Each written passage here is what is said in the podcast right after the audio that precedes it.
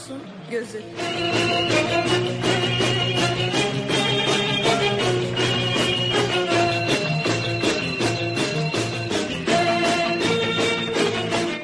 Kültür, sanat, şiir, felsefe,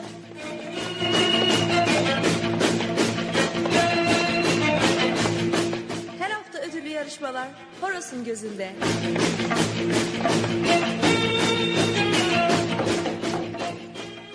Horos'un gözü.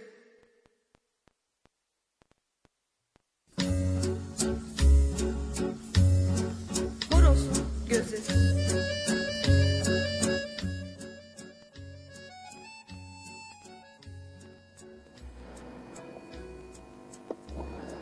Horos'un gözüne hoş geldin sevgili sanatseverler. Bugün 7 Mayıs 2013. Yine bir sanat sohbetinde buluştuk. Efendim, az önce aklıma bir söz gelmişti. Bir arkadaşımla da paylaştım. Ne demiş atalar? Ee, Nisan-Mayıs ayları gevşer gönül yayları. Sizlerin de gönül yaylarınız gevşesin umuyorum. Aşık olasınız diliyorum. Aşık olmayanlara aşıklara ve mutlu olanlara da bol bol gülümsemeli zamanlar diliyorum. Ee, aşktan bahsedince zaten ne kadar garip bir şey olduğunu ve buna ayrı bir gün program yapmamız gerektiğini de tabii ki de biliyorsunuz. Bu da aklımda aşk üzerine bir özel program yapmak istiyorum, konuşmak istiyorum bir gün. Hele de baharda aşk bambaşka değil mi? Ee, diyor ya şarkıda da ben her bahara aşık olurum diye siz de olun diyorum efendim. Neyse. Gelelim programımıza. Ee, dediğim gibi bugün 7 Mayıs 2013. Bugün programımızda neler var? Öncelikle her zamanki program e, bölümlerimizden sanatın öyküsüne devam edeceğiz. Göksel Kiliseyi 13. yüzyılı işli, işlemeye devam edeceğiz. Geçen hafta başlamıştık. Ee, ona devam edeceğiz. Ee, daha sonra yine radyo tiyatrosuna her zamanki gibi yapacağız. Don Quixote'un 14. bölümünü dinleyeceğiz. Efendim Don Quixote 15 bölüm. Onu da bilesiniz. Yani haftaya Don Quixote e, radyo tiyatromuzu tamamlamış olacağız. E, ondan sonraki hafta artık yeni bir radyo tiyatrosu, yeni bir öyküyle. E, muhtemelen bu önümüzdekiler daha kısa olacaklar. Daha kısa seçeceğim sizin için. Birkaç bölümlük ya da tek bölümlük radyo tiyatroları yapacağım. Onu da bilesiniz istiyorum. Elbette ki yarışmamızı da yapacağız. Ödüllü yarışmamızı. Ee, ödülleri ödül yarışmamızı yapmaktan bahsederken kitap kulübümüzü de konuşacağız. Horus'un Kütüphanesi biliyorsunuz bir kitap kulübü kurduk.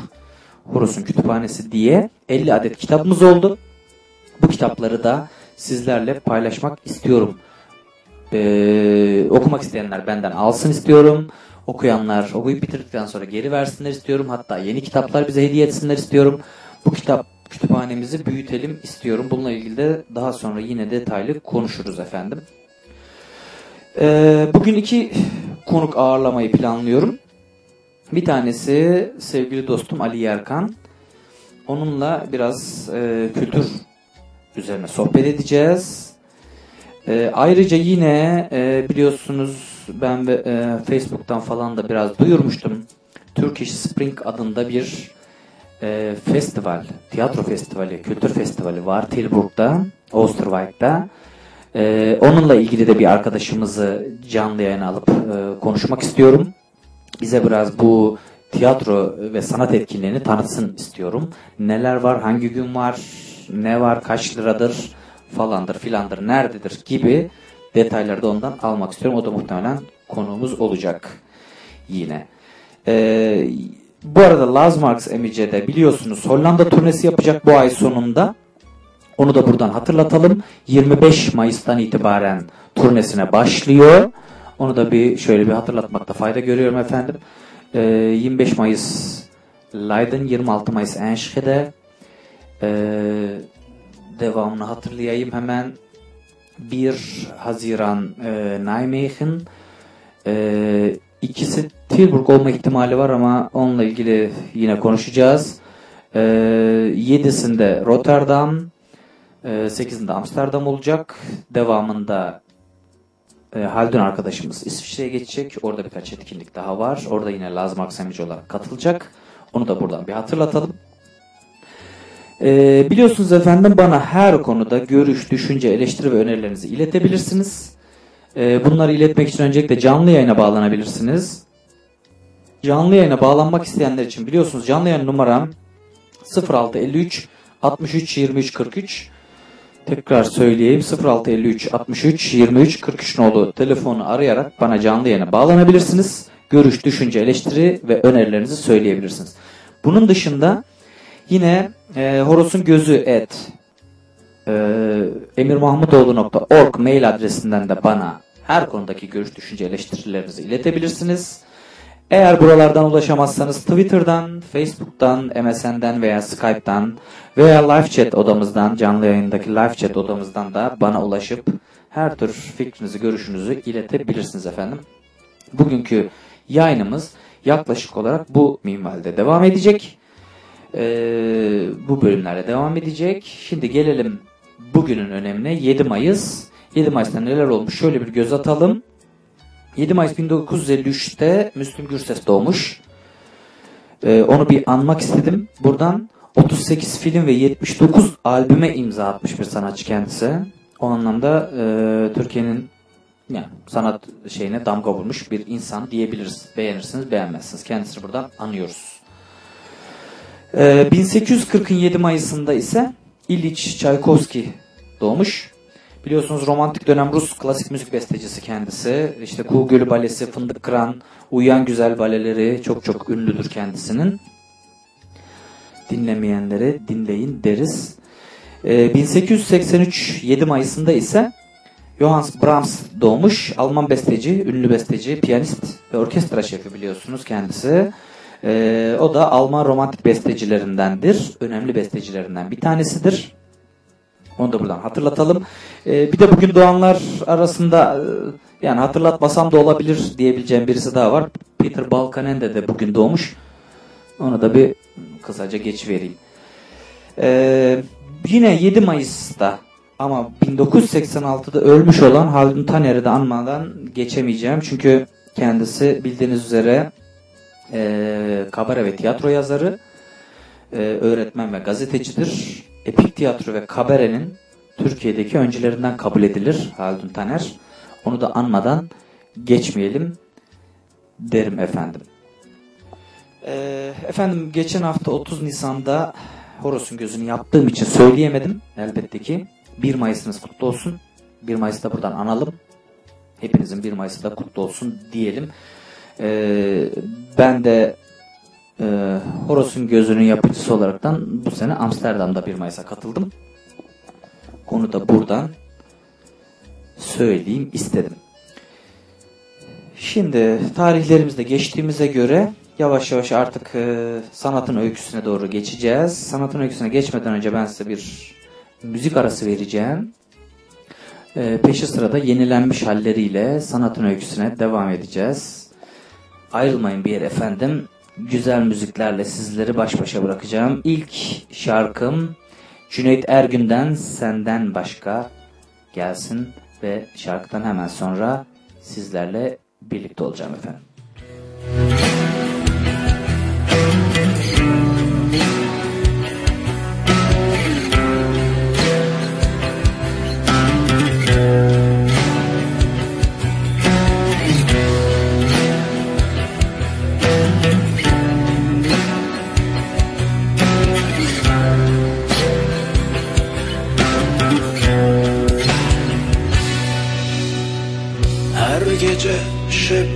Elde çoksun diye. Her gün diğerine ayıptır çoksun diye. Bu ne küfürbaz bir hayattır Bu ne ağzı bozuk bir tövbe önde. Başım hep önde çoksun diye. Çoksun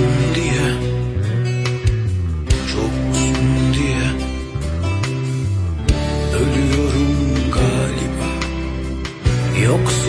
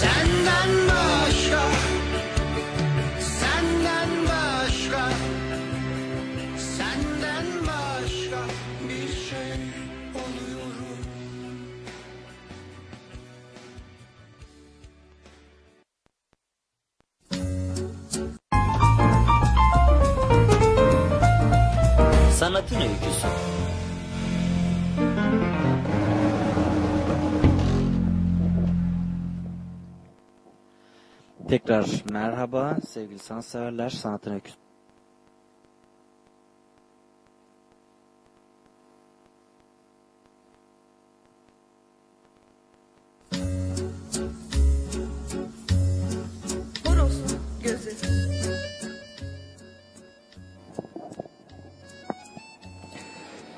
Sanatın öyküsüne hoş geldiniz sevgili sanatseverler.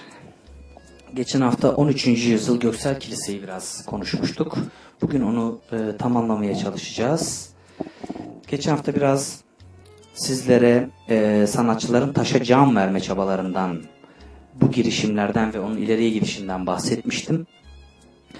E, bugün bunun bir parça resim sanatına geçiş ve e, 13. yüzyılda ne tür büyük değişikliklere sebep olduğuna dair e, konulardan bahsedeceğim. Bu sanatçıların ilgilerini çeken bir şeyleri anlatabilmek için ara sıra e, kalıplaşmış örneklerin dışına çıkmaları aslında tam da bu 13. yüzyıldadır.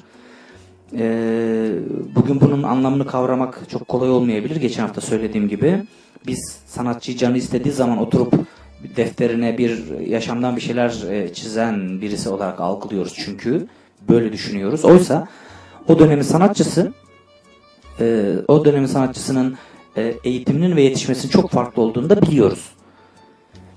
O önce bir ustaya çırak olarak başlıyor. Başlangıçta işi ustanın emirlerini yerine getirmek ve bir resmin e, nispeten az önemli yerlerini doldurmak oluyor. Zaman içinde bir Aziz'in nasıl betimlenmesi gerektiğini öğreniyor. İşte Hazreti Meryem'in nasıl çizileceğini öğreniyor vesaire şeklinde gidiyor. Eski kalıplardan e, alınan sahneleri kopyalıyor sonra. Onları yeni kompozisyonlara uyarlıyor. Sonunda bunlara yeterince egemen olunca da daha önceden yapılmış hiçbir örneği bilmediği bir sahneyi betimleyebilecek bir beceriye ulaşıyor sanatçı dediğimiz şey. E, Orta Çağ döneminde bu işler böyle. Ama tüm bu çalışmaları sırasında bir taslak defteri alıp yaşamdan bir şeyler çizmek gereksinimiyle hiçbir zaman karşılaşmıyor Orta Çağ sanatçısı. Sanatçının yaptığı tek şey e, basma kalıp bir figürü çizmek ve ona e, resmi işaretlerini vermekti. Kral için bir taç ve asa, işte ne bileyim piskopos için bir piskopos şapkası veya asası e, ve hatta bazen de karışıklık olmasın diye altına ismini yazıyordu o dönem için.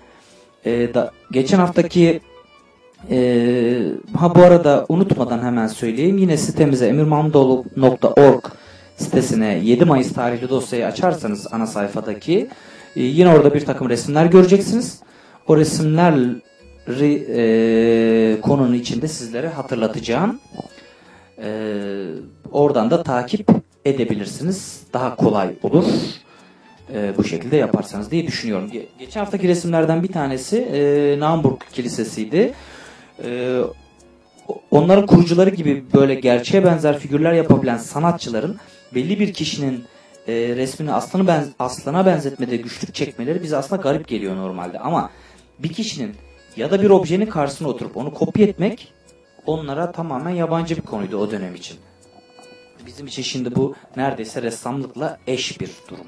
Karşısına bir şey alıp onu çizmeleri.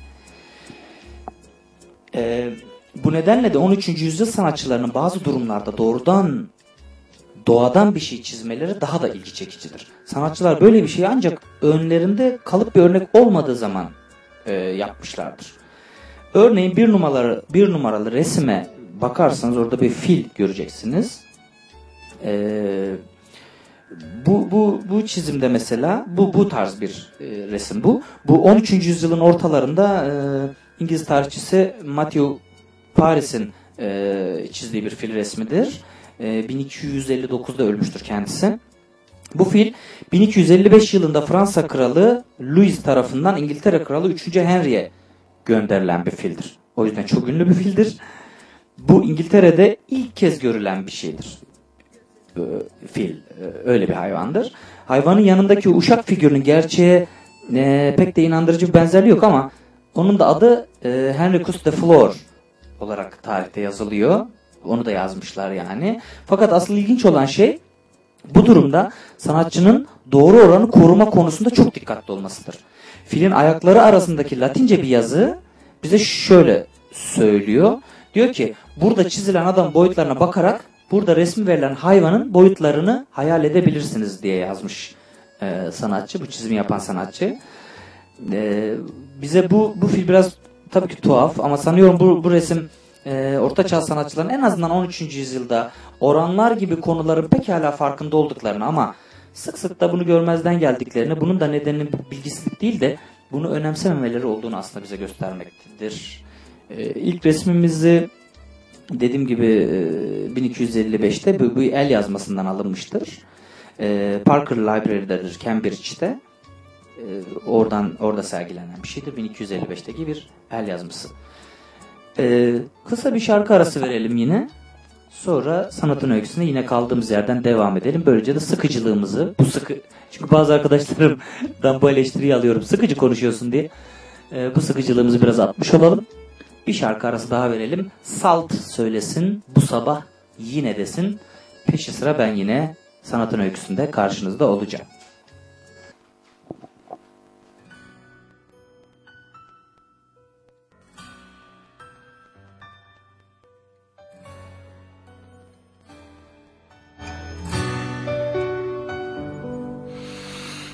Geride bıraktın.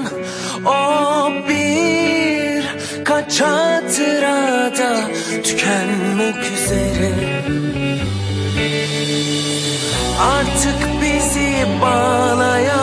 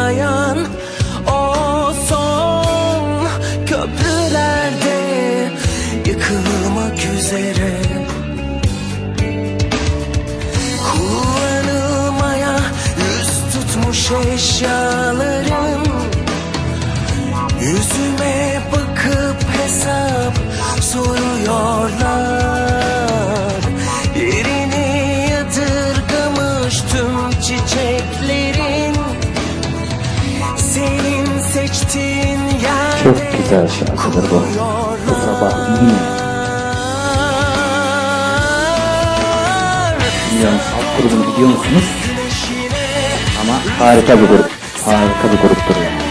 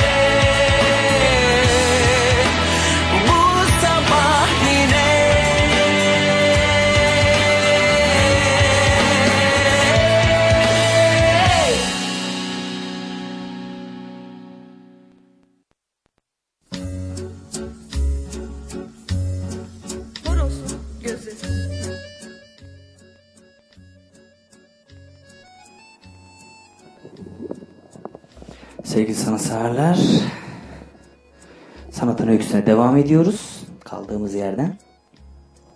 13. yüzyılı konuşuyorduk. 13. yüzyılda e, ünlü işte katedraller dönemi diyelim buna. Katedraller döneminde Fransa biliyorsunuz tüm Avrupa'nın en zengin ve en önemli ülkesiydi. Paris Üniversitesi e, Batı dünyasının kültür merkeziydi.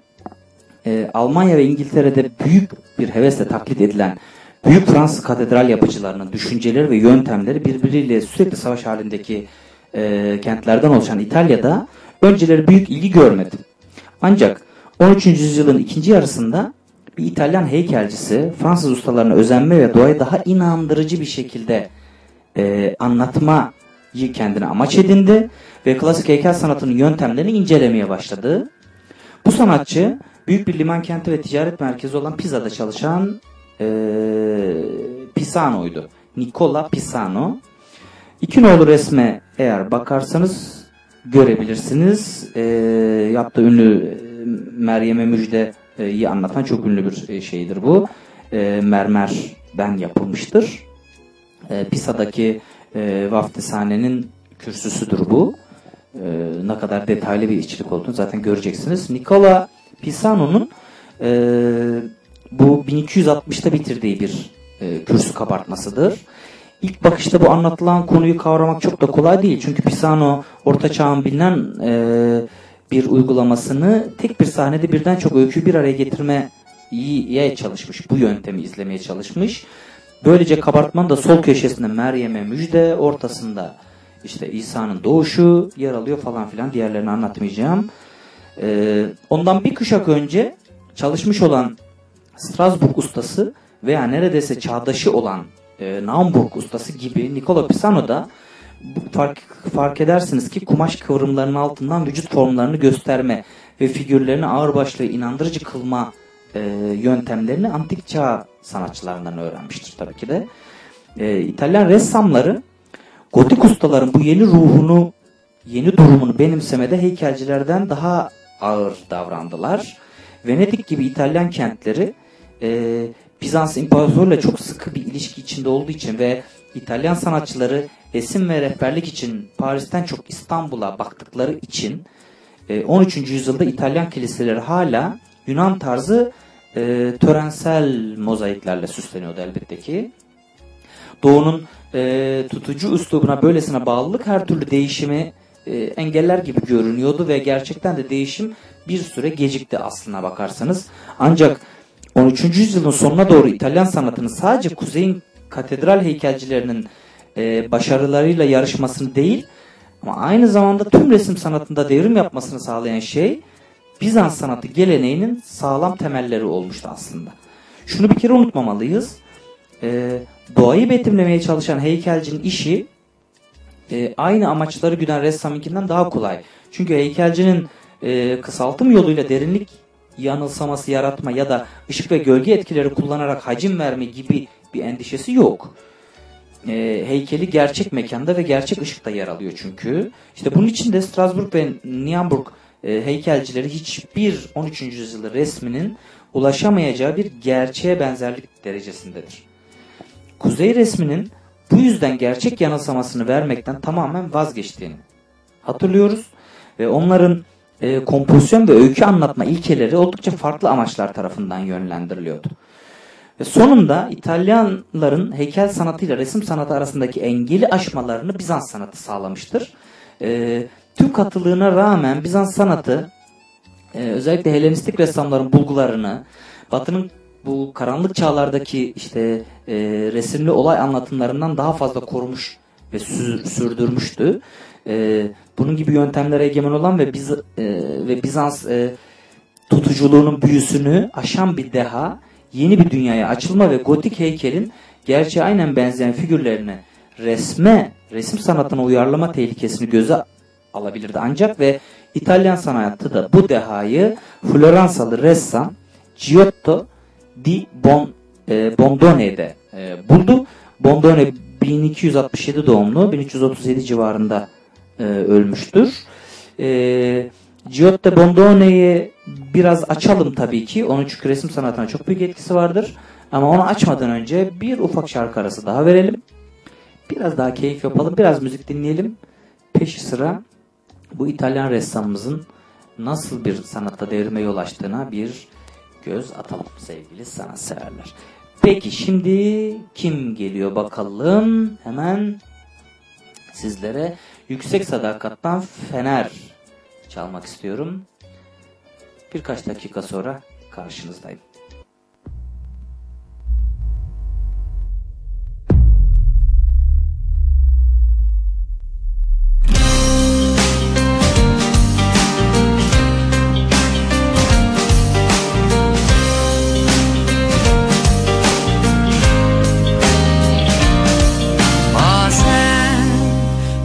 Taahhütlü gelir almadım diyemezsin. Gelir ve ortaya yerleşir görmeden ne demezsin. Gelir ve ortaya yerleşir bazen kaçamazsın. Gelir ve ortaya yerleşir aşk. Bazen bir bilmecedir cevabın bulamazsın Takar peşine sürükler seni. Gitmeden yapamazsın. Gelir ve ortaya yerleşir bazen. Kaçamazsın. Gelir ve ortaya yerleşir. Aşk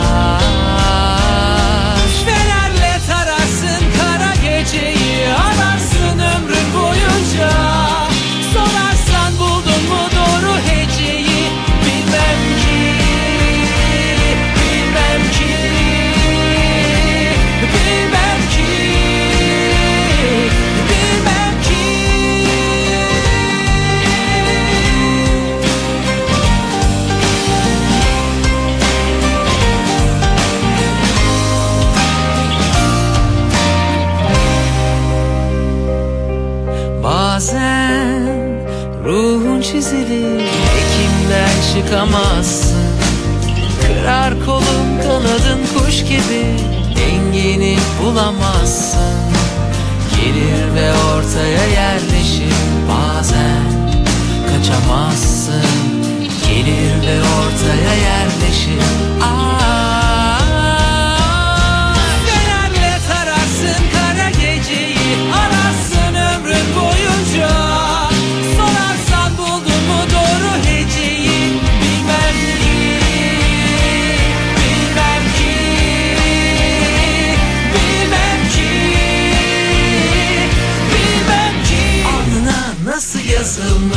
Sabuna mı yoksa taşa mı kazınmış? Benden iyisini bulursan eğer Bilmem ki Bilmem ki Bilmem ki. Yelkenin nasıl yapılmış? Denize mi yoksa havuza mı açılmış? Sakin sular arıyorsan eğer Bilmem ki Bilmem ki Bilmem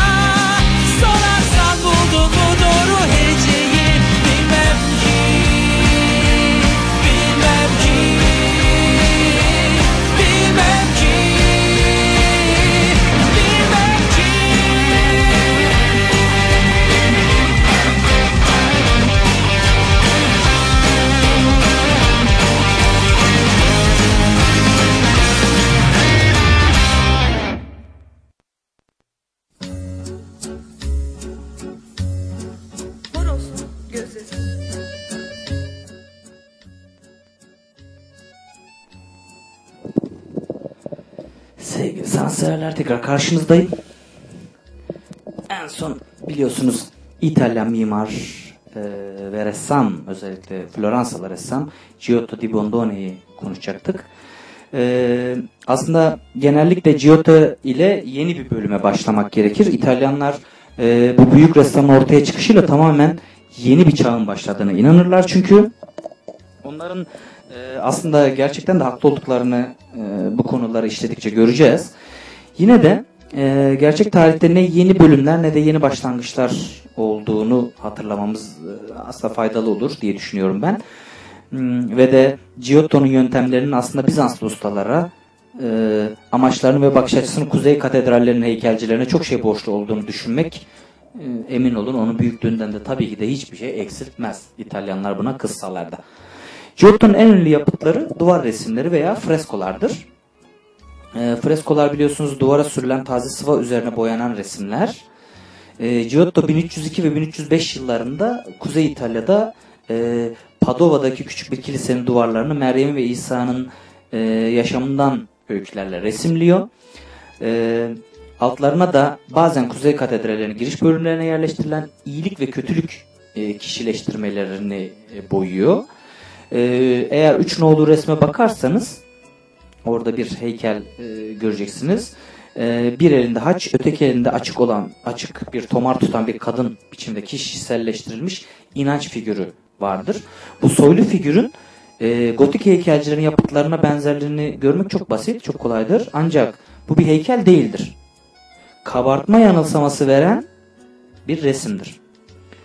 E, kollardaki perspektif kısaltımı, yüz ve boyunlardaki hacimlendirmeyi, akan kumaşın kıvrımları arasındaki koyu gölgeleri görebiliyorsunuz. E, bin yıldır buna benzer bir şey hiç yapılmamıştı. Giotto düz bir düzeyde, yüzeyde derinlik yanılsaması yaratma sanatını keşfetmişti. İşte o yüzden de e, onun resim sanatı üzerindeki etkisi olağanüstü büyüktür. E, siteden eminmuhamtoğlu.org sitesinden dediğim gibi e, üç numaralı resme bakarsanız ne demek istediğimi tam olarak anlarsınız gerçekten de. E, Gi- Giotto için bu buluş sadece fantazi olarak e, kullanılacak bir hüner değildi. Bu buluş onun e, tüm resim anlayışını değiştirmesine imkan sağladı. E, resimle olay anlatımı yöntemleri yerine yanılsama yoluyla e, kutsal öykü gözlerimi, gözlemlerimizin e, işte bunlar gözlerimizin önünde geçiyormuşçasına canlandırılabilir hale gelmiş oldu. Bunun için de artık aynı sahnenin eski uygulamalarına bakmak ve bu ünlü modelleri yeniden e, uyarlamak aslında yeterli olmuyordu. Giotto daha çok e, keşişlerin mağazalarında halka verdiği öğüde e, kutsal kitabı okurken azizlerin yaşamlarını bir e, Dülger'in ailesinin Mısır'a kaçışını veya İsa'nın çarmıha gelişini sanki bu olayları görüyorlarmış gibi belleklerinde canlandırmaları gerektiği öğüdüne uydu. Her şeyi yeni baştan tasarlayana kadar da rahata kavuşamadı. Böyle bir olaya katılan insan nasıl dururdu, nasıl davranırdı, nasıl hareket ederdi? E, ayrıca böyle bir davranış ve hareket sizin gözlerinizde nasıl canlanırdığı araştırdı. Bu tabii çok büyük bir devrim. Bu devrimin e, kapsamını Giotto'nun Padova'da yaptığı freskolardan bir tanesini dört nolu resimde görebilirsiniz.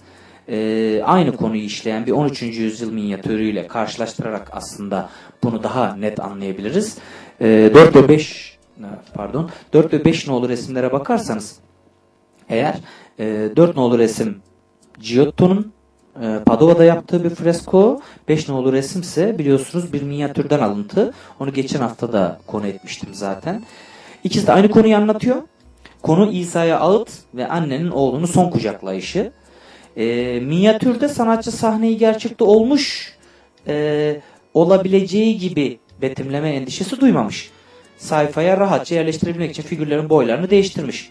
E, eğer ön plandaki figürlerle arka plandaki örneğin Aziz Yahya arasındaki mekanı ortada ise e, İsa ve Meryem olmak üzere kafamızda tasarlamaya kalkışırsak her şeyin nasıl bir araya getirilip sıkıştırıldığını ve e, sanatçının mekan sorunuyla ne kadar az ilgilendiğini aslında fark ederiz bu minyatürde. E, Pisano'ya Nikola Pisano'ya öykünün farklı bölümlerini bir çerçevede gösteren, gösterten olayın geçtiği gerçek yerle ilgili aynı kayıtsızlık burada da var. Giotto'nun yöntemi tamamıyla farklı. Ee, onun için resim yazılı kelimelerin yerine geçmenin çok ötesinde bir şey. Sanki sahnede oynanan gerçek bir olayın tanıkları gibiyizdir onun resimlerine bakarken. Ee, minyatürdeki Aziz Yahya'nın yaş, yasını ifade eden e, basma kalıp davranışıyla Giotto'nun resmindeki gerili kollarıyla öne doğru eğilmiş Yahya'nın duygulu davranışını bir karşılaştırırsanız eğer e, daha net fark edeceksiniz. E, ön plandaki yine bağdaş kurmuş figürlerle Aziz Yahya arasındaki uzaklığı kafamızda canlandırmaya çalışırsak e, aralarında hava ve boşluk bulunduğunu ve hareket edebileceklerini hissederiz. Ön plandaki e, bu figürler e, Giotto'nun sanatının her bakımdan ne kadar yeni olduğunu gösterir aslında bize. E, erken Hristiyan sanatının bir öyküyü Mısır sanatındaki e, sanatındaki gibi her figürü açık ve tam olarak gösteren, anlatan e, anlayışları bir yana bırakmıştı. Onun böylesine basit kalıplara gereksinimi yoktu. O bize bu hüzünlü sahnenin her figüre yansıyan acısını öylesine inandırıcı biçimde gösteriyordu ki yüzlerini göremediğimiz bağdaş kurmuş figürlerde bile aslında aynı acıyı hissediyorsunuz. Sol taraftaki bağdaş kurmuş e, yüzü görünmeyen figüre bakarsanız sol altta çok net şekilde aslında oradaki e, çizgilerde bile o acı var. Giotto'nun ünü tabii ki çok uzak ülkelere yayıldı. Floransa halkı onunla gurur duydu. Onun yaşam tarzıyla ilgileniyor, onun yaratıcılığı ve ustalığı ile ilgili anekdotlar anlatıyorlardı. Bu da tabii yepyeni bir şeydi. Böyle bir şey, bir şey daha önce hiç olmamıştı. Ee, tabii ki manastırdan manastıra veya psikopostan psikoposa tavsiye edilip genel bir saygınlığın tadına varmış ustalar eksik olmamıştır elbette ki. Ama genelde halk bu ustaların isimlerinin gelecek kuşaklara kalmasını gerekli olduğunu düşünmüyorlardı. Çünkü onlar bir amaç için bir şeyler yapıyorlardı ve o, o da ona yeterliydi. Onların bizim için iyi bir marangozu ya da terziyi değerlendirdiğimiz şekilde değerlendiriyorlardı onlar. Ha işini iyi yapıyor diyorlardı. ün kazanmak ya da adı duyulmak sanatçıların kendilerine e, kendilerini bile fazlaca da ilgilendirmiyordu aslında. Çoğu zaman yapıtlarını bile imzalamıyorlardı. E, Charles veya Strasbourg veya Naumburg heykellerini yapan ustaların adını bilmiyoruz mesela çoğunun. Kuşkusuz çağlarında saygı görüyorlardı ama kazandıkları onur çalıştıkları katedrale ait oluyordu. Bu açıdan Floransalı Giotto sanat tarihinde yepyeni bir sayfa açtı. Ee, sanat tarihi Giotto'dan başlayarak ilkin İtalya'da sonraki öteki ülkelerde aslında büyük sanatçıların tarihine dönüştü. Bu önemli bir şey. Ondan önce sanatın daha çok tarihini işliyorduk aslında e, sanatı anlamak için. Fakat Giotto'dan itibaren e, büyük sanatçıların tarihine dönüşüyor sanat tarihi aslında. Bundan sonraki konularımızda da zaten e, daha net anlayacaksınız söylemeye çalıştığım şeyleri. E, sanatın öyküsünün burada sonuna geliyoruz sevgili sanatseverler. E, haftaya Saraylılar ve Kent Soylular bölümüne bakacağız. E, buradan itibaren de artık yavaş yavaş e, hem mimari hem heykelcilik hem e, resim sanatının detaylarına gireceğiz. E, elbette ki e, çok çok ileride de yavaş yavaş da tabii ki de 15-16. yüzyıllarda da artık e, bölge bölge Avrupa'daki çok büyük ressamları da işleyeceğiz. E, dediğim gibi büyük sanatçıların tarihine dönüşmüş sanat tarihi içinde. Sanatın öyküsünün böylece sonuna gelelim. Haftaya kaldığımız yerden yine devam edeceğiz. Şimdi bir müzik arası daha vereyim. Peşi sıra yine karşınızda olacağım efendim. Bakalım ne çalalım size? Denize doğru desin mor ve ötesi. Ve ondan sonra sizlerle buluşacağız.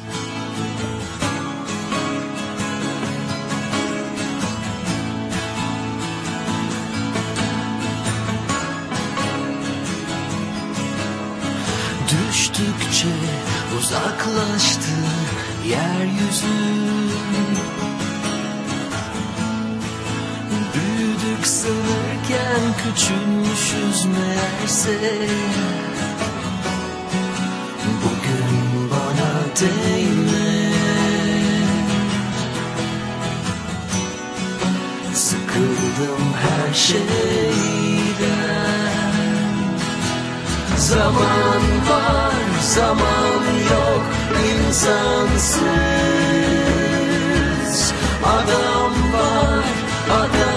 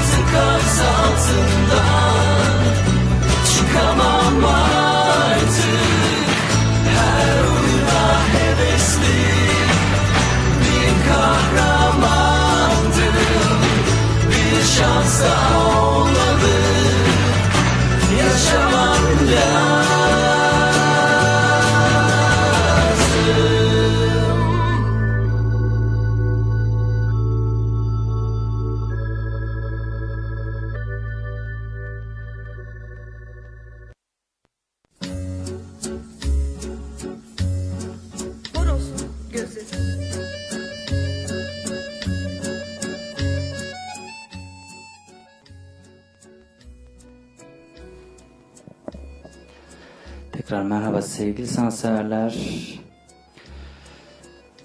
Birazcık sanattan konuşalım yine. Sanatın öyküsünü bitirdik ama ben size biraz e, Haldun arkadaşın Laz Marx e, Emice'nin e, Hollanda turnesinden bahsedeyim azıcık. E, hem yerlerini, tarihlerini bildireyim sizlere.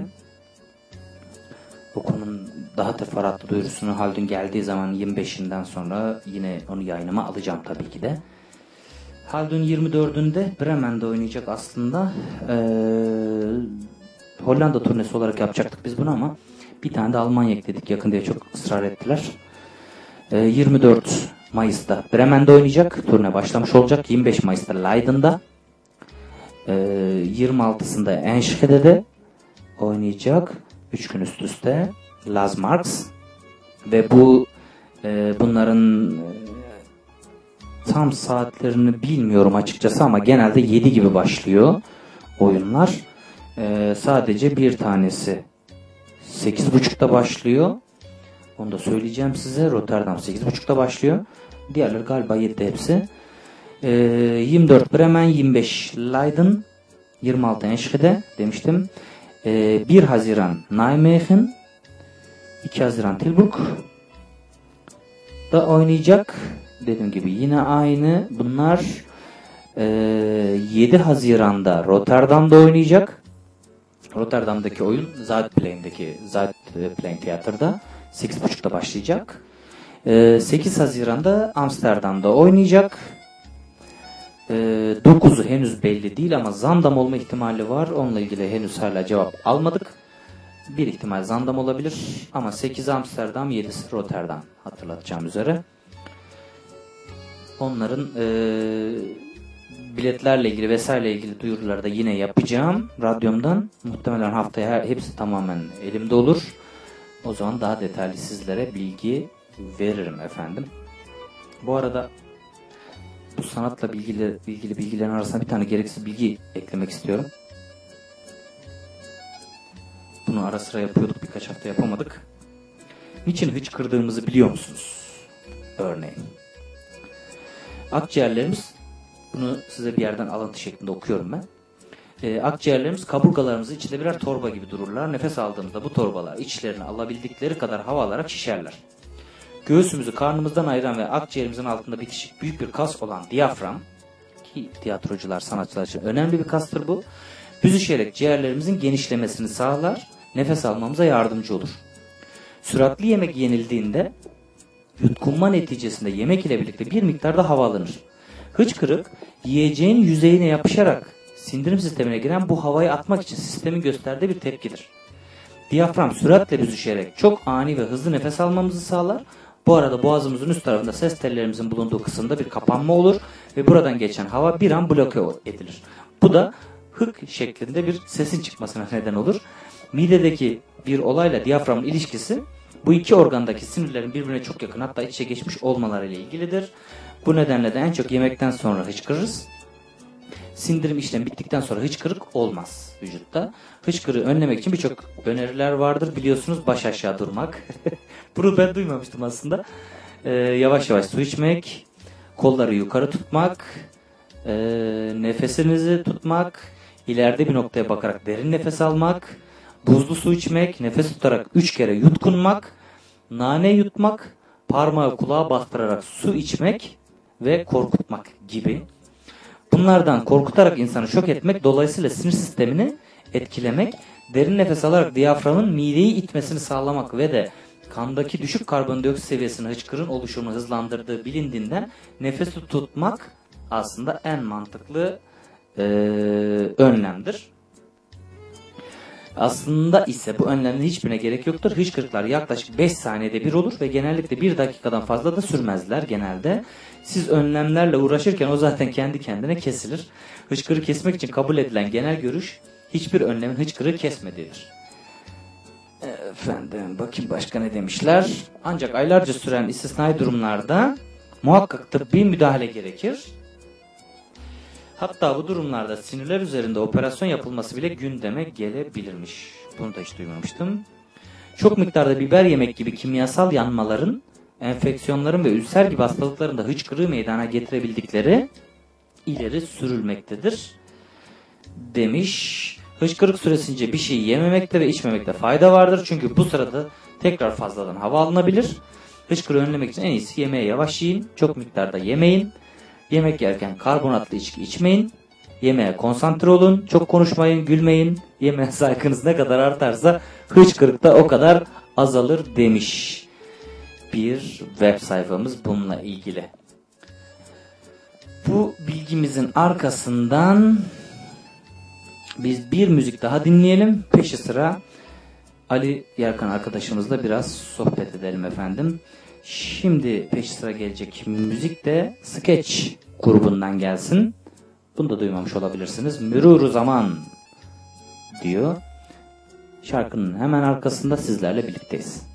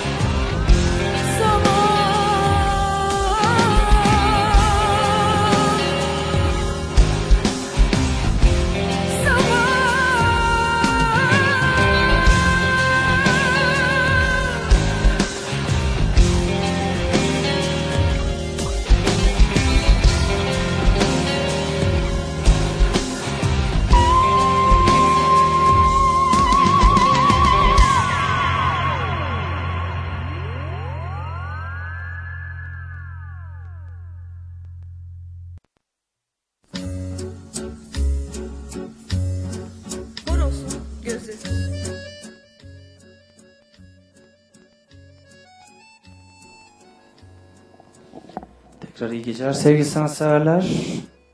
Ali Yerkan'la birlikteyiz.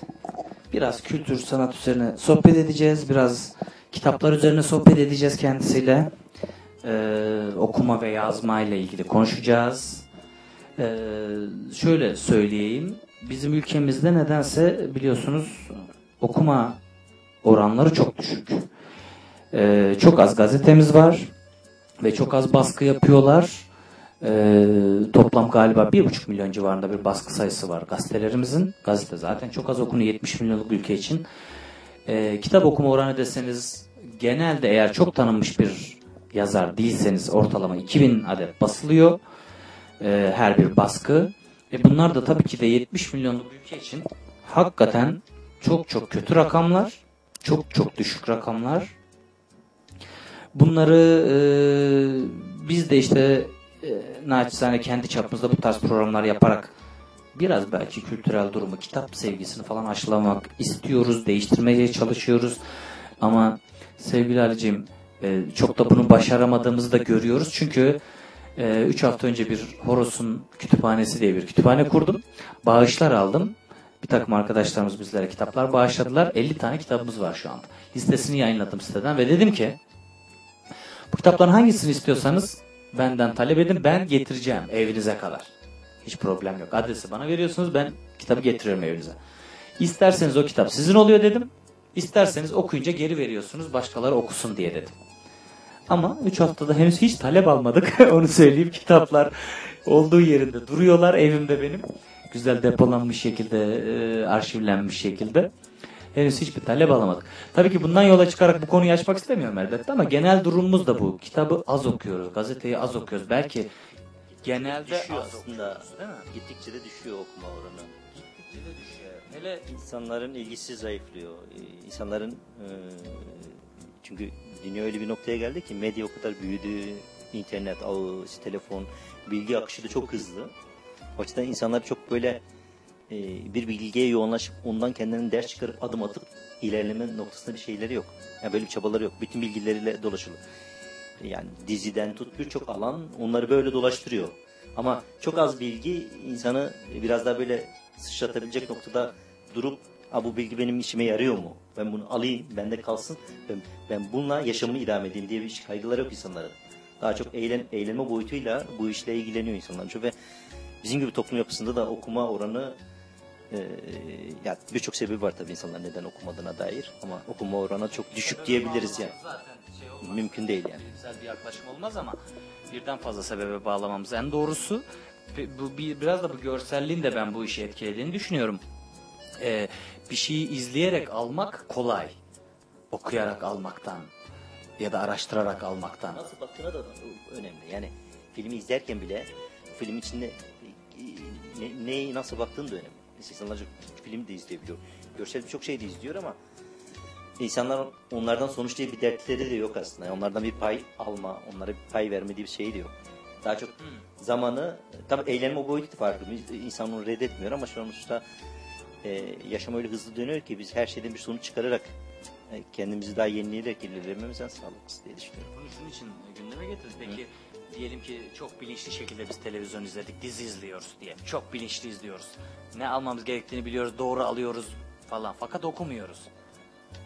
Ne olacak? Yani tele filmlerden alacağımız şey yeterli olacak mı bize? Çünkü film, dizi vesaire belgesel bile olsa bir kurguya dayanıyor sonuçta. Görsel, e, medya dediğimiz şey. Hem televizyon hem sinema hepsi. E, bir yönetmen var ve o yönetmenin kurgusu var. Tarihi bir film bile yapıyor olsa o tarihi o yönetmenin gözüyle biz seyrediyoruz orada sonuçta. Aslında direkt bir bilgi almıyoruz. Yorumlu bir bilgi alıyoruz. Doğru, hazır. Evet. e, direkt bir bilgi almak istiyorsak, bilgilenmek istiyorsak okumak hala bana sorarsan ister me- e, dijital oku, ister kitaptan oku, ister e, kağıttan oku yani.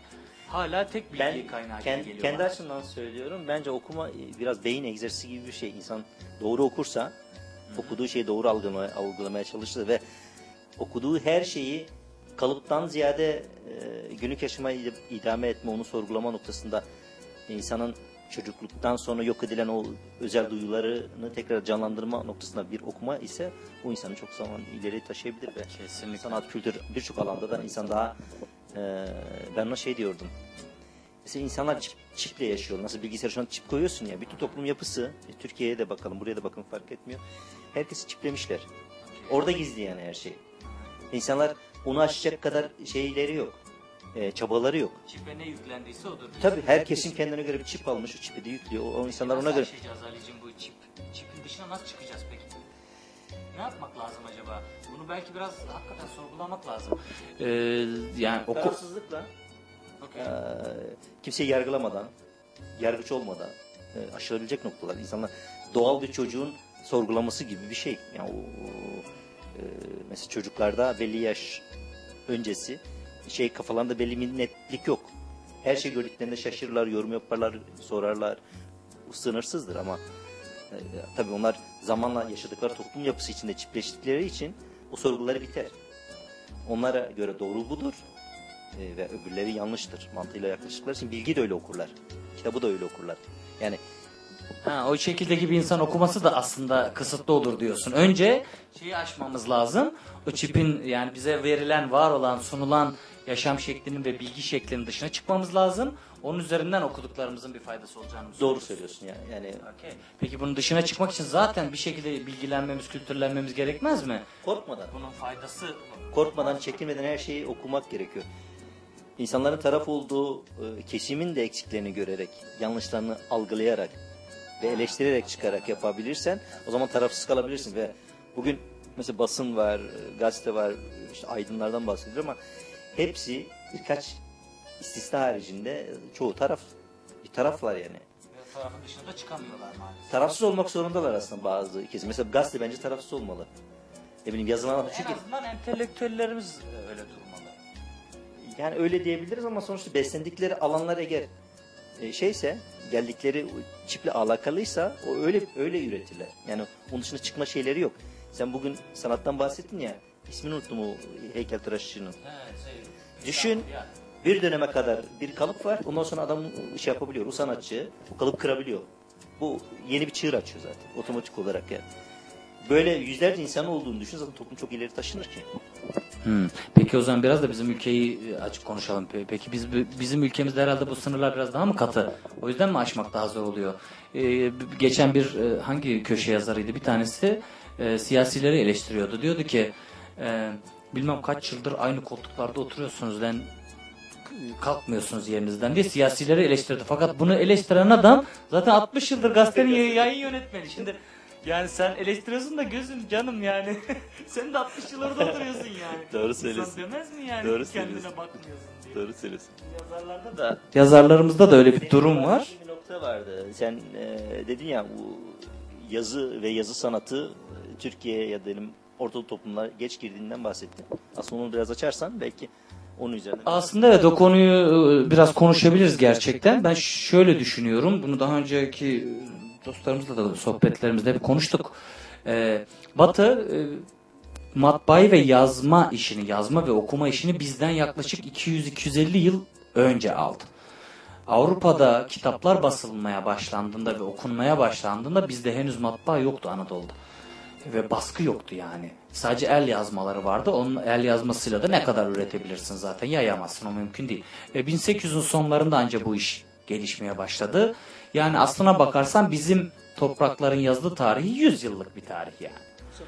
Çok kısa bir dönem. Avrupa'nın ya- ya- yazılı tarihi ise 500 yıllık bir dönem yani. Şimdi zaten bu sanatın öyküsünü de ileriki programlarda da anlatırken geleceğiz yani e, hangi dönemlerde ne olduğunu. Doğal olarak biz 100 yıllık bir henüz çok yeni bir yazılı döneme geçmişiz toplum olarak fakat orada da şöyle bir handikapımız var. Ben öyle düşünüyorum. Ee, yazılı dönemi sindiremeden görsel döneme geçtik biz. Hızlı bir şekilde sinema ve e, televizyonla yazılı dönemi hazmedemeden görselliğe geçtik. O yüzden de günümüzün gençleri ya da orta yaşlıları neyse artık adına ne, ne dersek diyelim bizim toplumun çoğunluğu bir şeyi görerek öğrenmeyi seviyor. Televizyondan o yüzden almayı seviyor. O yüzden biz dünyanın ikinci en fazla Biz yasaklı bir ülkede büyüdük. Yani yıllarca her şey yasaklandı. Belli noktalarda o dönemin iktidarda bulunan kesimlerinin istediği e, şeyler yayınlandı. Ne bileyim istediği şeyler e, açar. Tabii bir de onu ilave ettiğimiz zaman 12 Eylül'de darbeden sonra bilmem kaç yüz bin tane kitap yakıldı yani. Ki keza öbür darbelerde de sürekli kitaplar Eğer yasaklandı. yanlışım yoksa 1970'lerde Türkiye'de en fazla kitap okunan bir döneme denk geliyor. Yani İşte herhalde tek e, tek de dönem bu galiba. Ondan sonraki dönemlerde hiç kalmadı. 80 sonrası zaten neredeyse çok çok çok çok azalmış durumda. Ya 2000 baskı ne demek? Yeni bir yazar kitap çıkardı 2000 tane basılıyor. Hollanda'da bu rakam 20 bin. Standart. Yani. Evet standart 20 bin. İlk baskı 20 bin yapılıyor. Ya böyle bir şey olabilir mi? Senin beşte birin kadar bir ülkeden bahsediyoruz. 15 milyonluk. Fakat senin 10 katın baskı yapan her kitapta bir ülkeden bahsediyoruz yani. Yani çok acayip bir şey gerçekten. Ben bizim şeyimiz için algılayamıyorum. Tabii ki yani sırf nicel e, rakam önemli değil. 70 milyon değil 300 milyon olsa ne yazacak da. Eğer kendini yeterli noktalara getiremediysen elbette ki o çok etkileyecek. Ya şey de var. e, insanlarda okuma alışkanlığı gittikçe geriledi. Nedeni ise belki de e, toplum olarak artık çok fazla şey yapmıyoruz. Özellikle yurt dışında olanlar da dahil buna. E, çok fazla böyle bir şeyi okuyayım, onu biriyle paylaşayım, bu bilgi birine taşıyayım diye derdi yok. Bilgilenmek E, istiyorum. he, bilgilenmek de istemiyoruz galiba. Onun yanında böyle bir dert de kalmadı aslında insanlarda çoğunlukla. İhtiyaçlarım yok abi. Ee, yani insanlar e, demek ihtiyaçlarına göre işte gereksinimlerine göre konumlandıkları için Tabii şöyle bir durum da var Ali'cim. 90 sonrası özellikle dünya tam anlamıyla liberal sisteme ve ekonomiye geçtiği için tabii yaşam şekillerimiz ve bize e, sunulan öyle öğretilen iyiler ve kötüler değişti. Mo- modalar değişti yani. Eskiden e, kültürlü olmak, bilgili olmak, okuyan insan olmanın ekstra bir değeri vardı ve bununla da övünürdün ve söylerdin. Şimdi artık insanlar öyle şeylerle övünmüyorlar gençlerimiz. Daha renkli giyinmekle, e, daha fazla konsere gitmekle, ne bileyim daha güzel arabası olmakla övünebiliyor. Daha maddi şeyler biraz daha ama öne bunlar çıkmış gibi sanki. doğru. Bunlar da ama Bunun şey var. şey engel değil. Bir insanın giyinmesi, ne bileyim yaşam tarzı onun yaşamı e, bir bütün algılamasının engel değil aslında. Aslında haklısın kesin. Yani onun engel, önünde engel değil. Tabii e, e, önemli olan şeyi bırakabilmek. E, Kişiler ya da bireyler artık bu yargıç olmayı, yargılamayı, işte e, bir şeye sonuç vermeyi bırakıp daha çok çevresinde neler yapabileceğini, nasıl algılayabileceğini, yaşamı sade oturduğu kentte ya da oturduğu sokakla alakalı değil, daha dünyanın öbür ucunda algılayabilecek kadar şeyi yakalayabilmeli. Elinde aslında o kadar yok. Aslında olanağımız da var değil mi? Geniş bir teknik var, internet var ama onu da e, o şekilde kullanmıyoruz. Daha çok kendi bireysel egolarımızı tatmin eden Doğrusu. günlük yaşam içinde akan bir noktadayız. Tabii bunu yaratan da atmosfer e, var. Yani sonuç kocaman bir medya var. Dünyaya hakim olan e, finans kuruluşları falan var. Bunlar hep etkili noktalar zaten. Şimdi Ali'cim doğru söylüyorsun. Ee, bu konuyu tabii ki çok daha uzun uzun saatlerce konuşmamız lazım da. Ee, ben bir genel e, konuşmanın ötesinde açık seni senden bahsetmek istiyorum. Ee, bir, bir kere bir radikalde çıkmış bir yazını okuyarak başlamak istiyorum bu duruma. Ee, kısa bir yazı sevgili dinleyiciler. Bakış açısını anlamanız anlamında çok e, uygun olacak bir yazı. Barış eşitsizliklerin tutsağı. Bunu okuyalım ve sonra biraz Ali'nin kendisiyle ilgili konuşalım. Barış biz canlıların doğasına aykırı ama bir o kadar da ihtiyaç duyduğumuz bir yöntem. Ama çıkarlarımıza göre de kullandığımız bir cümle. Biz canlılar dünyasında her canlı bir başka canlıyı yemekle meşgulken nasıl bir barıştan bahsedebiliriz? Barış kelimesi başta olmak üzere birçok kelimeyi öyle kolay kullanıyoruz ki zamanla aşındırıyoruz. Her şey birbirine karışıyor. Herkes birden barış kelimesini kullanır hale geliyor. Dünün kavgacı kabadayıları bir gecede barış güvercini olabiliyorlar. Öyle kolay mı acaba dün Şahin iken birden güvercin olup bembeyaz görünmek? Hangi taraf olursa olsun kavga eğer savunmayı aşmışsa ve bir kontrol yok ise işte orada kirlilik vardır ki zaten insan kendi dünyasında barışı yaşamadığından ancak bu kelimeyi ihtiyaç duyduğunda kullanır. Yaşadığımız Samanyolu galaksisine bir avuç toprak parçasına ne zaman barış gelecek sizce? Gün gelecek insan fizyolojisi kendi kendini tüketmeyi bırakıp yaşamını uzatacak ve üç dünyasında genetik barış ve demokrasi kuşaktan kuşağa aktaracak. Dünyacı bir kimlikle ben dünyalıyım diyecek uzaylılara. Yakın bir gelecekte artık dünyalı, Marslı gibi kavramlar daha etkili olacak. Yani bu hikaye uzayıp gidecek. Neden mi? Çünkü insan olan biz canlılar barışı iş dünyamıza yedir yedirtemezsek hiçbir yere barış getiremeyiz. Ve bu barış kavramı ve sözü ayakları hep havada kalır. Bir canlının bir başka canlıyı yiyerek beslendiği ve biz canlılar yani insanlar birbirimizi sömürdüğümüz sürece barışı unutun. Ancak ne olur kavga edenler yorulurlar bir ara dururlar. Buna da barış derler. Oysa barış değildir bir ara duraklamadır. İki tarafın ya da tarafların soluk alma yöntemidir. Barış mı istiyorsunuz? O zaman herkes kendi için ne istiyorsa. Hakkım dediği ne varsa herkes içinde istemeli. Evin var mı? Herkesin de bir tane olmalı. İşin var mı? Herkesin olmalı. Bir araban mı var? Herkeste de olmalı. Dilini, inancını rahat yaşıyor musun? Herkes de yaşamalı. Sen tokken başka, başkası aç ise işte böyle bir toprak parçasında bizler barışı göremeyiz. Herkesin eşit olduğu günler barışın geleceği günler olabilir ancak. Ve barışı uzakta aramayın. Barış eşitsizliklerin ve haksızlıkların karanlığıyla kurulmuş hapishanede de tutsak tutuluyor diye bitirmiş sevgili Ali yazısını. Ee, Radikal Blog'da bir miktar yazın yayınlandı galiba. Kaç tane yayınlandı orada? Sanırım 7'ye yakın bir yazı yayınladım. O da kısa dönemde öyle arka arkaya yazdım, yerleştirdim. Mesela daha önce yazdığım yazılar falan vardı ama çekingenler o bize geçmişe yaratılan atmosferden dolayı ben yırtıp, yırtıp atıyordum ya da yayınlamıyordum. Bana göre işte bir... ya bu, bu bir uzun hikaye. Benim yaşadığım dönem sürekli şeydi. eee, sürekli bir adım attım ama o adımdan sonra bir yere daha tut- tutsak kaldım. Şimdi gittiğim bir noktada dedim burası iyi ama aslında orası da iyi değildi. Her attığım adımın bana getirdiği alışkanlıklar ve gerilikler vardı. Tabii önemli noktalar da vardı. Kattıkları birçok şey de vardı. Şimdi ben bu yazıları yerleştirmekle şey açtım ama tabii e, bir de gazetenin şöyle bir şeyi vardı radikalin. Ben birçok birkaç kere de başka gazetelere attım öyle yazılarımı ama yayınlamamışlardı. Bunları yayınlayınca ben de sürekli attım. Okey, o da sende zaten şeyi desteklemiş, körüklemiştir. Bir de bu e, yani okuyan yazan hakikaten çok da saygı duyduğum bir insansın. Hem okuyan hem yazan birisi olaraktan. Bir de e, özellikle konuşmak istediğim bir şey var. E, bir, dili sonradan öğrenmişliğin var. İki, e, hiçbir okul okumamışlığın var. Ama buna rağmen Radikal'de 7 tane yazı yayınlanacak duruma gelmiş bir insansın. Bunu dinleyicilerimizin bir ben bana sorarsan sindirmesi lazım yani. Çünkü hakikaten e, çevremizde bırak ilkokulu bile okumamayı üniversite bitirmiş bir sürü insan var. Kalemi ellerine vermekte zorlanıyoruz yani. O, o hikayeyi kısaca bize bir anlatsana nedir yani İstanbul'a gelişin, nasıl oluşun? Küçükken yaş itibariyle sanırsam 5 yaşa denk geliyor. İstanbul'a geldi, geldi bizimkiler. Ben halamla geldim yerleştim. Kürtçe biliyordum hızlıca. E, Türkçeyi orada öğrendim. Ama tabii yazın o dönem yoktu sadece Türkçe öğrenmiştim. An- konuşabiliyordum, anlayabiliyordum. E, daha sonra bizimkiler komple geldi. 12 Eylül darbesi öncesi. Gelip onlar da yerleştiler. E, benim m, okul dönemime yaklaşık e, okula gitme isteğim vardı. Böyle bir arzum vardı ama bedensel engelli olduğum için Türkiye'de zaten buna ekstra bir engel e, teşkil ediliyor.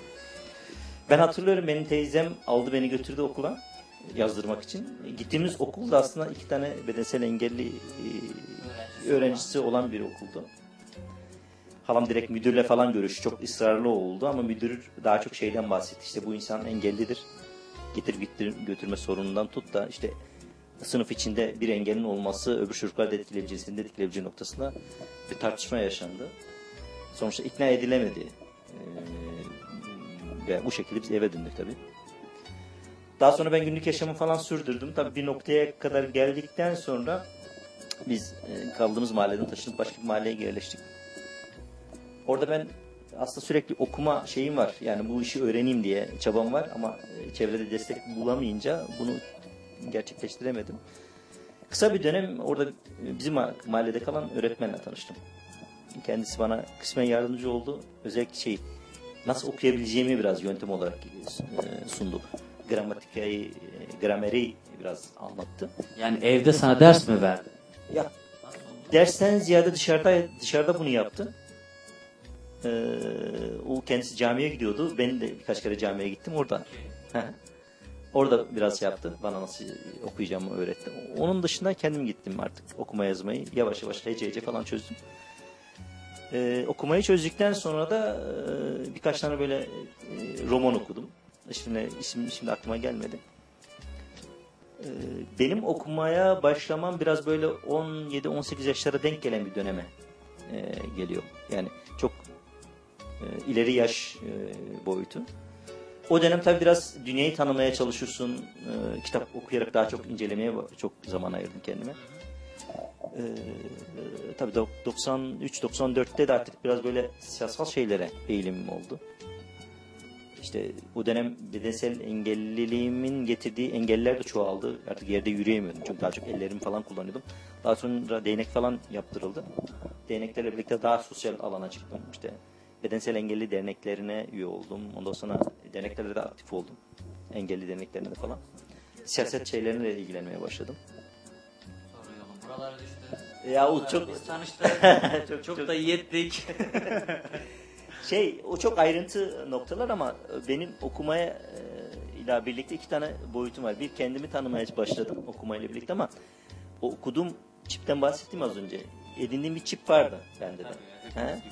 Ve sonuçta inandığım bir e, şey e, yörüngen e, otomatik olarak gelişiyor ve onun etrafında dünyayı kurdum ben. Ve onu e, idealize ettim zaman içinde ama bir noktadan sonra artık bu işin aslında öyle olmadığını fark eder etmez ben aldığım bütün bilgilerimi döktüm. Sıfırladım her şeyi. Her şeyi yeniden inceledim. Ee, karşıda olduğum her şeyi incelemeye başladım. A'dan Z'ye hiç korkmadan. Ve o bana çok şey kattı. Ee, son 7 yıldır e, ben o çocukluk dönemime döndüğümü düşünüyorum ağırlıklı olarak. Ve e, Türkçeyi de kendim geliştirdim. İşte 99'da Hollanda'ya geldim, yerleştim. Hollandacayı da kendim öğrendim. Burada da okul, e, fazla okul hiç şeyim yok. Altyapım falan yok. Ee, bu şekilde kendimi biraz böyle okumaya, sürekli hala da okuyorum, inceliyorum, meraklıyım. En son e, şu anda daha çok ağırlıklı insan anatomisi üzerine inceleme yapıyorum. O çok e, hoşuma gidiyor. Ben biraz insan yapısının e, kötülükleri ve vahşilikleri genetik olarak aktardığını ama bu daha çok olumlu özelliklerimizi niye böyle atmadığını merak ettiğimden dolayı çok şu anda üzerine e, merak ettiğim konu olduğu için yoğunlaşıyorum. Keyerliciğim. Saatimize bakıyorum. Çok da fazla vaktimiz kalmıyor yavaş yavaş. Sana teşekkür edelim ee, bu güzel sohbet için. Ben de Ee, başka yine bir başka programda yine seninle denk geliriz. Her zaman. konularda. Sağ ol canım. aşktan bahsettin az önce o konu güzel bir Aşk konuydu. konuşsak çok güzel olur bence de. Ben de o konu seninle konuşulması gerektiğini düşünenlerdenim zaten. Sana teşekkür ediyoruz canım. Şey, Teşekkürler. Sevgili dinleyiciler, Ali Yerkan'la birlikteydik. Birazcık tanıdık birazcık. Ee, okuma üzerine sohbet ettik. Kendisinin yazılarını ileride de yine sizlere okuyacağım. Şimdi efendim vakit geçirmeden Don Quixote'un 14. bölümünü yapalım radyo tiyatromuzun. Dediğim gibi radyo tiyatrosu 15 bölüm. Ee, Don Quixote haftaya bitiriyoruz yani bunu. Ondan sonra daha kısa hikayeler şeklinde e, radyo tiyatroları yayınlayacağım sizlere. Şimdi sizi radyo tiyatrosuyla baş başa bırakıyorum. Radyo tiyatrosu.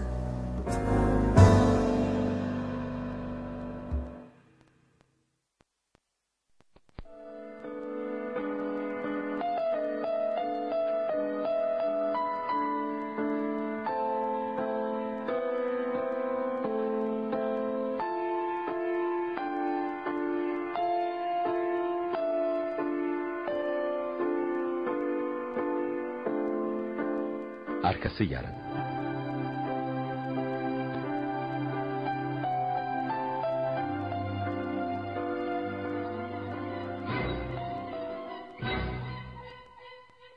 Don Quixote 14. Bölüm Yapım Yönetim Mehmet Köseoğlu Yazan Cervantes Uyarlama Tayfun Türkili Seslendirme Yönetmeni İskender Bağcılar Neslihan Gürgün. Kayıt Mahmut Acar. Montaj Halil Karabacak.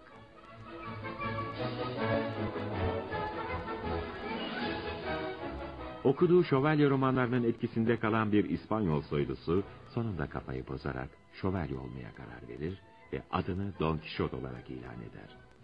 Aynı köyde yaşayan yoksul bir köylü olan Sancho Panza'yı da fethettiği bir adayı kendisine vereceğini söyleyerek yanına seyis olarak alır. Dedesinden kalma tarihi silahları kuşanarak ezilen mazlum halkı kurtarmak için yola çıkar. Artık onun için hanlar şato, hancılar birer soyludur. Maceradan maceraya atılan ve her seferinde başlarına bin türlü iş gelen Don Kişot'u köyüne geri döndürmek isteyen köyün berberi şövalye kılığına girerek Don Quixote'la dövüşmek ister. Dövüşün sonunda kaybeden şövalyeliği bırakacaktır. Ve dövüşün sonunda Don Quixote yenilince şövalyeliği bırakır.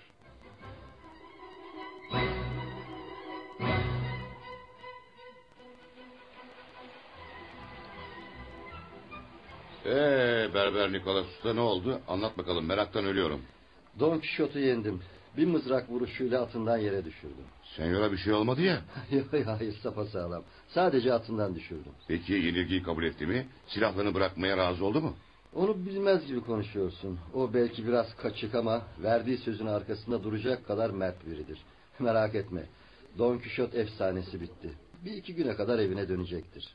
Desene onu evine döndürmeyi başardık usta. Gözü yaşlı yeğeni bunu duyunca çok sevinecektir. Umarım Hancı Antonio rolünü ustalıkla oynamıştır. Oynadı oynadı. Don Quixote hiçbir şeyin farkına bile varmadı. Antonio'yu soylu bir şato sahibi sandı. Hancı'ya hizmetinin karşılığı olan on altını verdin mi? Verdim. Güzel. O halde köye dönüp eee senyorun yeğenine müjdeyi verebiliriz. Hadi gidelim usta. Bu, bu iş çok güzel oldu. İyi yaptık bu işi.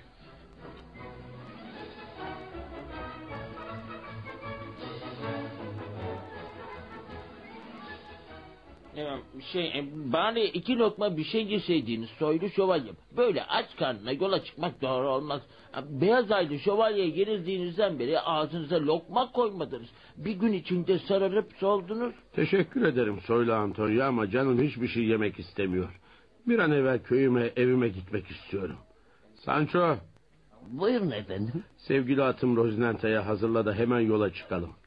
Yola bu kıyafetle mi çıkacaksınız efendim? Ne varmış kıyafetimde? Yani zırhınızı giymeden mi, silahlarınızı kuşanmadan mı? E, zırhta, silahlarda, şövalyelik de eskide kaldı artık Sancho. Beyaz aylı şövalyeye verdiğim sözü tutmak zorundayım. Ben artık sıradan bir insanım.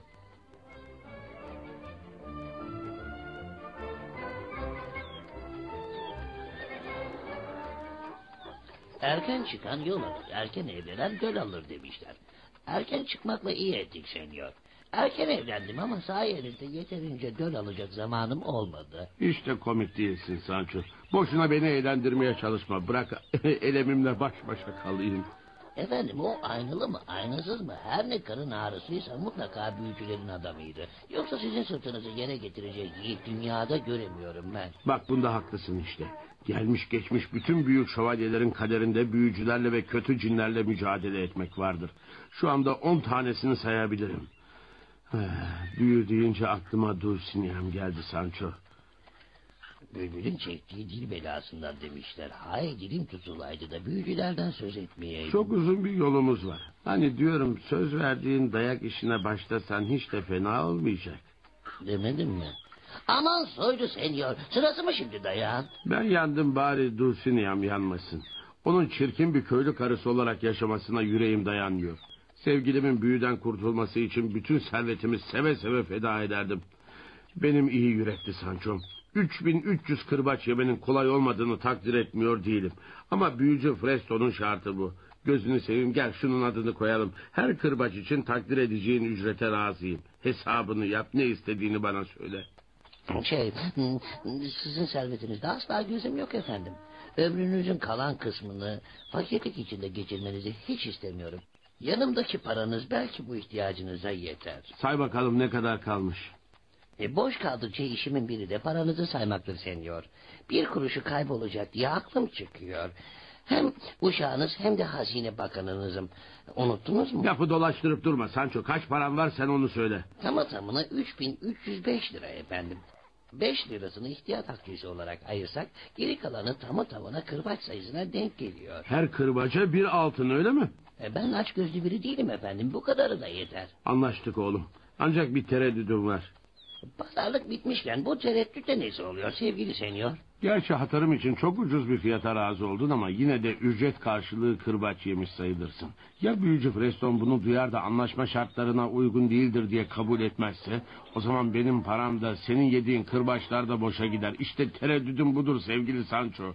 Aman senyor düşündüğünüz şeye bakın. Şöyle veya böyle 3300 kırbacı ben yiyecek değil miyim? Böyle büyük bir fedakarlık karşısında tutmuş bana 3-5 bin altın bahşiş vermişsiniz. Bundan büyücü Terestora ne? İçiniz rahat olsun. Kesinlikle kural dışı bir durum yok. Peki Sancho dediğin gibi olsun. Şu dayak işini bitir yüz altında benden. Yeter ki Dulcineya'm kurtulsun. Bu iyiliğin karşılığında kim bilir amel defterine ne kadar sevap yazılacak. İşte bundan pek emin değilim efendim. Neden? Çünkü bu iyiliği altın karşılığı yapıyorum da ondan. Biliyorsunuz iyilik karşılıksız yapılırsa iyilik olur. Daha önce sen demiştin. O zaman sen de karşılıksız ye bu sopaları. O da pek olacak şey değil. 3300 sopa bedava yenir mi efendim? Madem öyle sus sen de. Bak burası kırbaç için çok uygun bir yer. Ne dersin? İnsaf edin efendim. Hele oturup biraz dinlenelim. Arkasından bir güzel karnımızı doyuralım. Sonrasını düşünürüz. Sancho sen korkağın birisin. Şu şişko vücuduna 3300 kırbaç indirebileceğine hiç inanasım gelmiyor. Yo senyor, hor görmeyin garibi.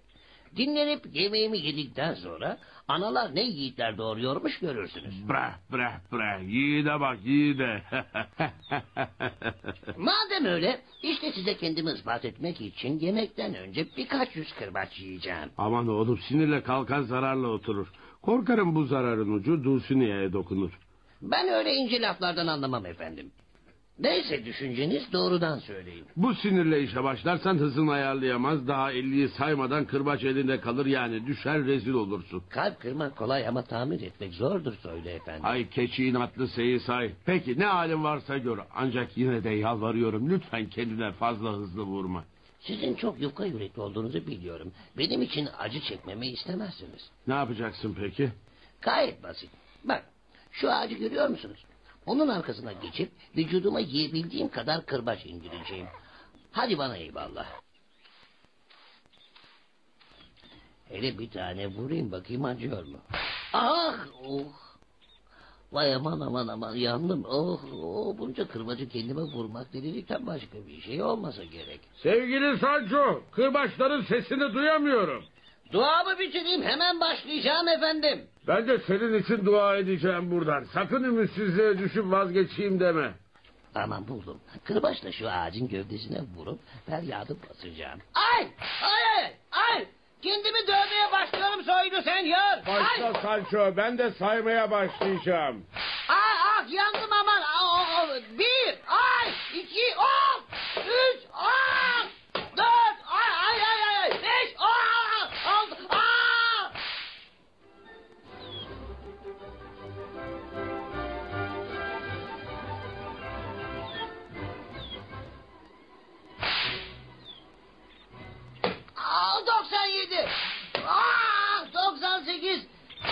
99. Ah, 100. Ay. ay. Aman oğlum Ay, biraz ay. ara ver. Ay. Kendine karşı bu kadar insafsız olma. Böyle devam edersen korkarım bu hayırlı iş hayırsız olacak. Gönlünüzü ferah tutun efendim. Sırtım acıya alışmışken şöyle en az bin kırbaç atayım. Köye varmadan önce bu işi bitirmek istiyorum. Sancho beni bu kadar sevdiğini bilmiyordum. İnan yaşadığım müddetçe bu iyiliğini unutmayacağım. Sizin için canım feda sevgili efendim. Şimdi izin verin de işime devam edeyim. Ay of of of. Oh geberiyorum. Ay anacığım. Anacığım yardım. Ay yardım. Tamamdır yardım. sevgili Sancho yeter artık. Gel şu işi tadında bırakalım. Yarın devam edersin. Çok haklısınız iyi yürekli efendim. Kırbaç yerleri üzerine tuz ekilmiş gibi yanıyor. Vah vah vah vah. Bakayım sırtın ne vaziyette. Aman bakmayın efendim. Çok fena durumda. Gömleğimi zor giydim zaten çıkartamam artık. Peki peki. O halde biraz uyu da kendine gel. Eşek sudan gelinceye kadar kendine sopa attın. Yaralarım düzelsin biraz. Aa bakın bakın o olur işte. Uyumak her şeye iyi gelir.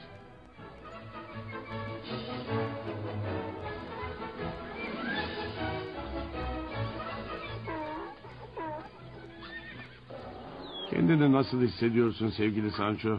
Hmm, bin katıcıdan sopa yemiş gibi geliyor bana efendim. Hava kararmak üzere. Bir ham bulsak da orada gecelesek. Onca sopadan sonra senin rahat bir yatakta yatmanı istiyorum. Benim için fark etmez öyle senyor. Böyle eşeğimin üzerinde de uyuyabilirim. Yerde otlar üzerinde de hiç Biliyor fark musun Sancho sen tam şövalye olacak adamsın. İnan bana. Doğrusunu söylemek gerekirse yediğin kırbaçların dörtte birini ben yemiş olsaydım yerimden kalkamazdım. Soylu bir şövalyenin şeysini fazla küçük görmeyiniz efendim. İyi de ilk maceralarımızda yediğin ufak tefek dayaklardan sonra az mı oflayıp in demiş bana sistemler etmiştin. Helva ateşte pişe pişe kıvamını bulur. Koruk güneşte yana yana üzüme dönüşür. E, İnsanoğlu da çektiği acılar nispetinde olgunluğa ulaşır efendim. Elin aynasızı işimizi bitirdikten sonra filozof kesiliyorsun. Siz de ne diye tanımadığınız bir serseriyle hayatınızın en değerli şeyi üzerine düelloya giriyorsunuz? Anlaşıldı. Sen şövalyediğin şeysinden anlamıyorsun. En iyisi kapatalım bu konuyu.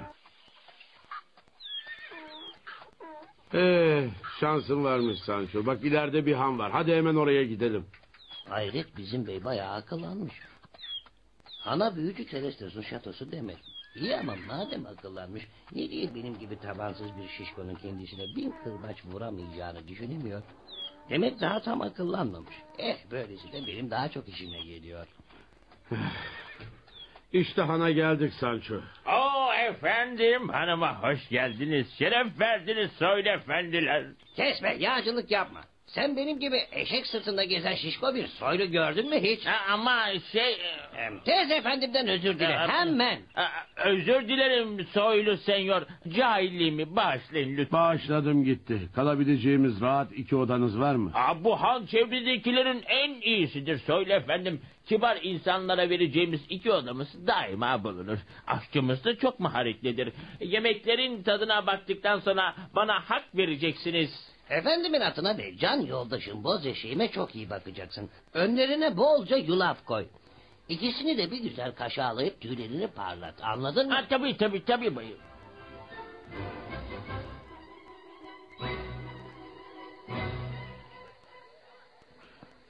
Ee, sevgili Sancho karnımızı doyurduk. Yatmadan önce kendine şöyle 300-500 kırbaç indirmeyi düşünmüyor musun?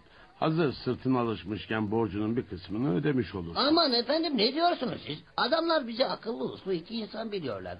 Kırbaç işine başladık mı boyamız meydana çıkar. Ve inanın hancı bizi kapı dışarı eder. Peki Sancho sen nasıl istersen öyle olsun. Köyümüze varmadan bu işin hakkından geleceğine inanıyorum. Hadi iyi geceler. Sana da senyor. Yarın köye giderken yine ağaçlıklı bir yerde siz görmeden kendimi kırbaçlarım efendim.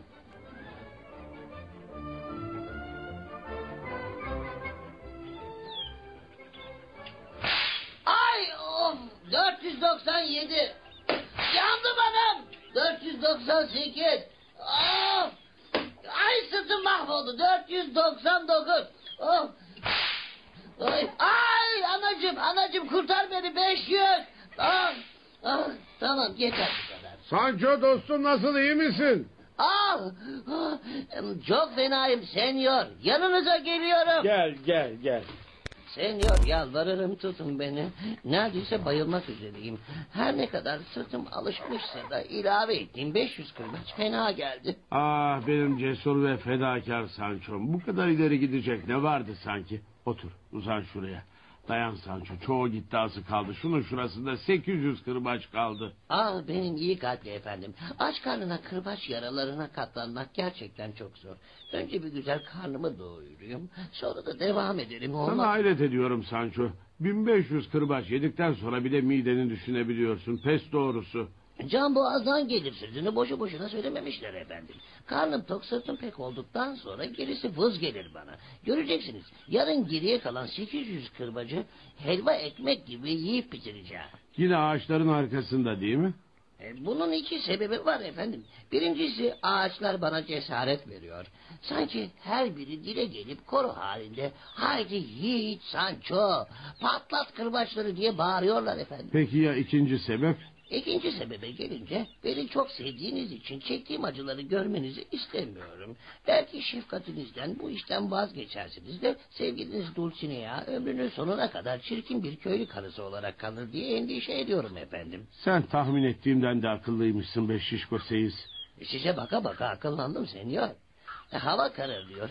Bu geceyi hangi handa geçireceğiz? Handa değil, burada otların üzerinde geçireceğiz. E, Neden? Çünkü ihtiyat akçesi olarak ayırdığımız 5 lirayı dün geceki han sefasında harcadık. Geriye kalan 3300 lira anlaşmamız icabı senin malın sayılır. Karın ve çocukların için canını feda etme pahasına kazandığım bu parayı hamda hamamda yiyecek değiliz ya. Siz çok iyi niyetli ve şerefli bir soylusunuz senyor. Eğer geride karım ve çocuklarım olmasaydı... ...inanın hiçbir karşılık beklemeden... ...o üç bin bilmem kaç kırbacı seve seve bedavadan vücuduma indirirdim. Sana bütün kalbimle inanıyorum sevgili Sancho. Şövalye ruhlu çok insan var ki karısını ve çocuklarını düşündüğü için kendisini insanlığın hizmetine adayamamış, evine kapanıp kalmıştır. İşte ben bu tehlikeye düşmemek için evlenmedim. Evimi ve sıcak yatağımı terk edip yardıma muhtaçların imdadına koştum. Buna en iyi şahit sensin. Ancak kader yüzünü bile görmediğim birinin eliyle kollarımı bağladı. Evime çekilip miskin soylular gibi yiyip içip yatmaktan ibaret olan bir hayata nasıl katlanırım bilemiyorum. Ah ah ya ben... Ya ben mançalı Don Kişotsuz bir hayata nasıl katlanacağım efendim?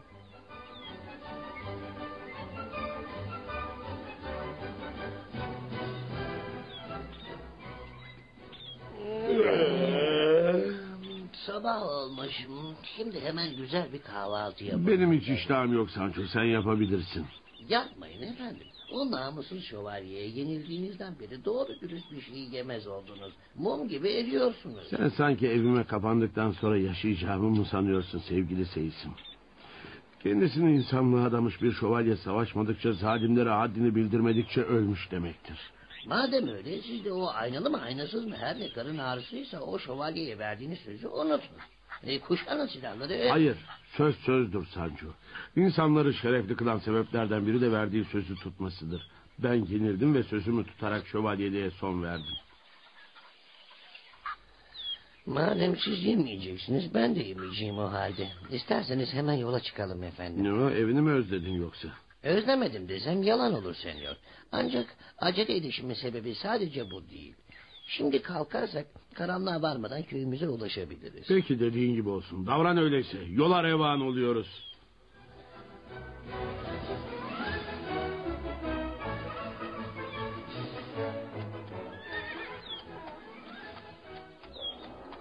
E, köyümüze epeyce yaklaştık efendim. Burada bir mola verelim mi? Sen bilirsin. Öyle zannediyorum ki kırbaç işini burada bitirmek istiyorsun. Öyle değil mi? Evet efendim. E, köye girmeden size olan sopa borcumu ödemek istiyorum. E, madem öyle öde hadi. E, ben ilerideki şu ağaçların arasına gidiyorum. E, siz de yediğim kırbaçları sayın oradan olmaz mı Tamam efendim? Sancho.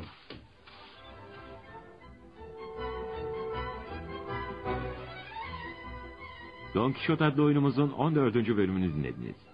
15. bölümde buluşmak üzere, hoşçakalın.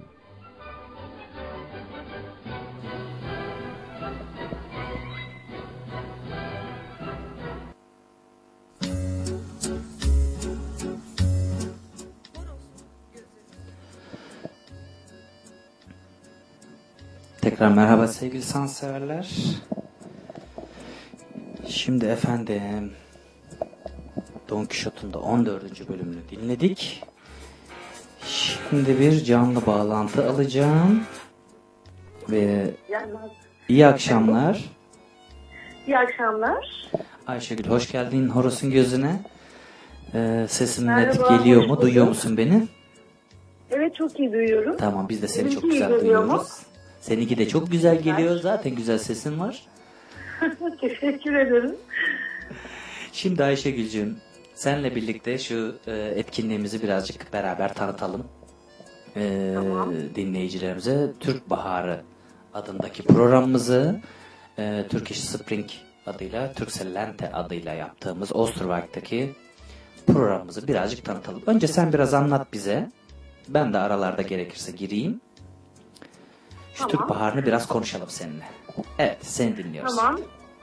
Ee, şimdi tabii e, gerçi bilgilerimiz e, internette, Facebook'ta e, her yerde var ama ben birazcık şöyle hani nasıl, kim organize ediyor, neler yapıyoruz gibi bir şeylerden bahsedeyim. Hı hı. Ee, Hollanda Rize Kültür Vakfı Dürünen'de e, ve ITSR tiyatro grubumuz yeni kurduğumuz ki Emir e, tiyatro grubumuzun yönetmeni şu anda radyo programını yapan arkadaşımız. Ee, birlikte e, bir medya usulüyle oluşturduğumuz e, çok güzel bir program bu. E, hem Türklere hem de Hollandalı arkadaşlarımıza hitap eden bir e, program yaptık. E, programın esas e, konusu herhalde m, Türkiye'den getirdiğimiz bir 18 kişilik tiyatro grubumuz var. Hı hı. E, hatta belki dinleyicilerinizden takip edenler vardır. Benim için Üzülme diye bir dizi var. E, Türk Ha, şöyle Ayşegül'cüm dizilerden bahset. Kültür sanat neymiş? dizilerde oynayan oyuncuların e, çoğu geliyor. Okey. Ee, şimdi Oksat, e, Oksijen Kültür Sanat Tiyatro e, Atölyesi e, bu e, programı Ayşegül'cüm hemen düzelteyim. Oksijen Kültür Sanat Atölyesi Derneği. Evet, aynen öyle. Teşekkür Hı hı. ederim. Tam adı o. Tamam. Ee, ben de bugün biraz yorgunum aslında. Geç bir saat. hı. Lütfen sen e, tamamla gereken şeyleri. Ee, Bir, şimdi, birlikte e, anlatırız zaten. Evet, Destan'ın e, Destan diye bir oyun izleyeceğiz üç gün boyunca. E, her gün e, değişik saatlerde tekrar edecekler. E, bir gün kaçıran olursa diğer gün insanlar görebilsin diye böyle bir Hı hı. e, program yaptık. E, Destan'ın hikayesi işte Kurtuluş Savaşı'nda geçen e, bir e, tarihi bir konu. E, bir e, oratorium gibi düşünmek lazım hani tiyatro ama e, görselliği de olan e, Evet. bir gö- gösteri. E, danslı, müzikli, aynı zamanda Hollandaca üst yazılı yapacağız. Hı hı. Evet, Alt yazı değil üst Hollandalı yazı onu arka- belirtelim evet. Alt yazılı veya üst yazılı. Ama sanırım alt yazılı biraz zor olur. Üst yazı düşünüyoruz. Hı O hı. yüzden. e, Hollandalı arkadaşlarımızın anlaması için böyle bir şey düşündük. Çünkü e, bu da e, aslında e, belki programın özelliği diyelim. E, Hı hı. çok fazla olmayan bir şey en azından. E, şimdi burada tabii m, e, tiyatro ve e, diğer e, etkinliklerin e, biraz bahsetmek gerekiyor belki. E, 17 Mayıs Cuma günü açılışımız var bir fotoğraf sergisiyle birlikte. Karadeniz'den doğa, kültür ve sanat anlamında çekilmiş fotoğraflardan oluşan bir e, sergi yapacağız. Hı hı. E, bu sergiden sonra tiyatromuz var. E, aynı zamanda o günde bir e, yine aperatiflerimizden oluşan bir resepsiyonumuz olacak. Evet. Türk Türk mutfağından sergiler. Özellikle Karadeniz'den. Evet. e, ve cumartesi günü e, saat 14'te başlıyoruz. E, 18 Mayıs Cumartesi. Hı hı. 14'te öğleden başlıyoruz. sonra 14'te başlıyoruz. E, tabii ki e, yine de bir isteğe bağlı olarak bu 14 ile 16 arası workshoplar, atölyeler düzenledik. Hı Bu atölyelerde işte yaratıcı drama, pandomim, doğaçlama gibi e, insanların e, ilgilerine göre gruplar halinde e, iki saatlik Hı hı. ve eğitimler, dersler vermeyi düşünüyoruz. Bunlar tabii ki bu iki saatte her şey öğrenilecek anlamında değil ama biraz işte sosyal beceriyi artırmak, gelenlere bir eğlenceli zaman geçirmek, onlara bir drama ile ilgili belki temel e, bir şeyleri verebilmek amaçlı. Sevgisini bile aşılasak zaten Ayşegül'cüm o bile çok büyük kazanç aslında. Kesinlikle, kesinlikle. Ee, özellikle bu workshoplarda, e, atölyelerde diyeyim, e, öğrendiğimiz şeyleri uygulayabileceğimiz zamanlar olacak cumartesi günü. Ee, bunun bir tanesi mesela yine destan e, gösterisinden sonra bir doğaçlama tiyatrosu var. Ee, seyircilerle birlikte yapılacak o. Ee, tamamen bir sürpriz. Ee, gerçekten ben de bilmiyorum çünkü Umut Şahin arkadaşımız e, yönetecek onu. Hı hı. Ee, Umut Şahin de oradan e, katılacak Carmen organizasyonundan Oksat grubuyla birlikte. Ee, bu cumartesi günkü programda da yine e, Türk e, yemeklerinden veya yemek demeyelim de şöyle diyelim hani e, Türk e, e, e, nasıl söyleyelim bunu? Nasıl Aparatiflerden, aparatiflerden seçkilerimiz olacak. E, bunu da belirtmek lazım. E, çünkü insanlar hep bunu soruyor. Bütün gün tabii ki. e, Tabii ki yani programımız yemekli öyle söyleyeyim ama yemeği tıka basa Evet. yeme şeklinde düşünmezsek iyi olur gelenler açısından. Daha çok aparatif, Evet. daha çok tadına bakabileceğiniz değişik yemekler yiyebileceğiniz, tadabileceğiniz. Bizim mutfağımız biliyorsunuz zaten çok çok zengin bir mutfak. Ee, ondan en azından bir bölümünden bir, bir şeyler deneyebileceğiniz bir şey olacak ki bu zaten tek başına fazlasıyla güzel bir şey. Bu cumartesi programımızda böylece doğaçlama tiyatroyla bitecek. Sonra pazara geçeceğiz. 19 Mayıs pazar. Ee, Pazar- Hı? Evet, pazar günü de bizim e, işte bir nevi bayram kutlaması havasında olsun dedik. Hı hı. Bugün e, farklı olarak hem e, bu atölyelere ilave olarak e, yine tiyatromuz olacak ama bu sefer beş buçukta, e, yedi buçukta da müzik ve yemek bu sefer e, bayağı kapsamlı düşündük. Biraz daha e, ilave ettik Aha. müziklerinden.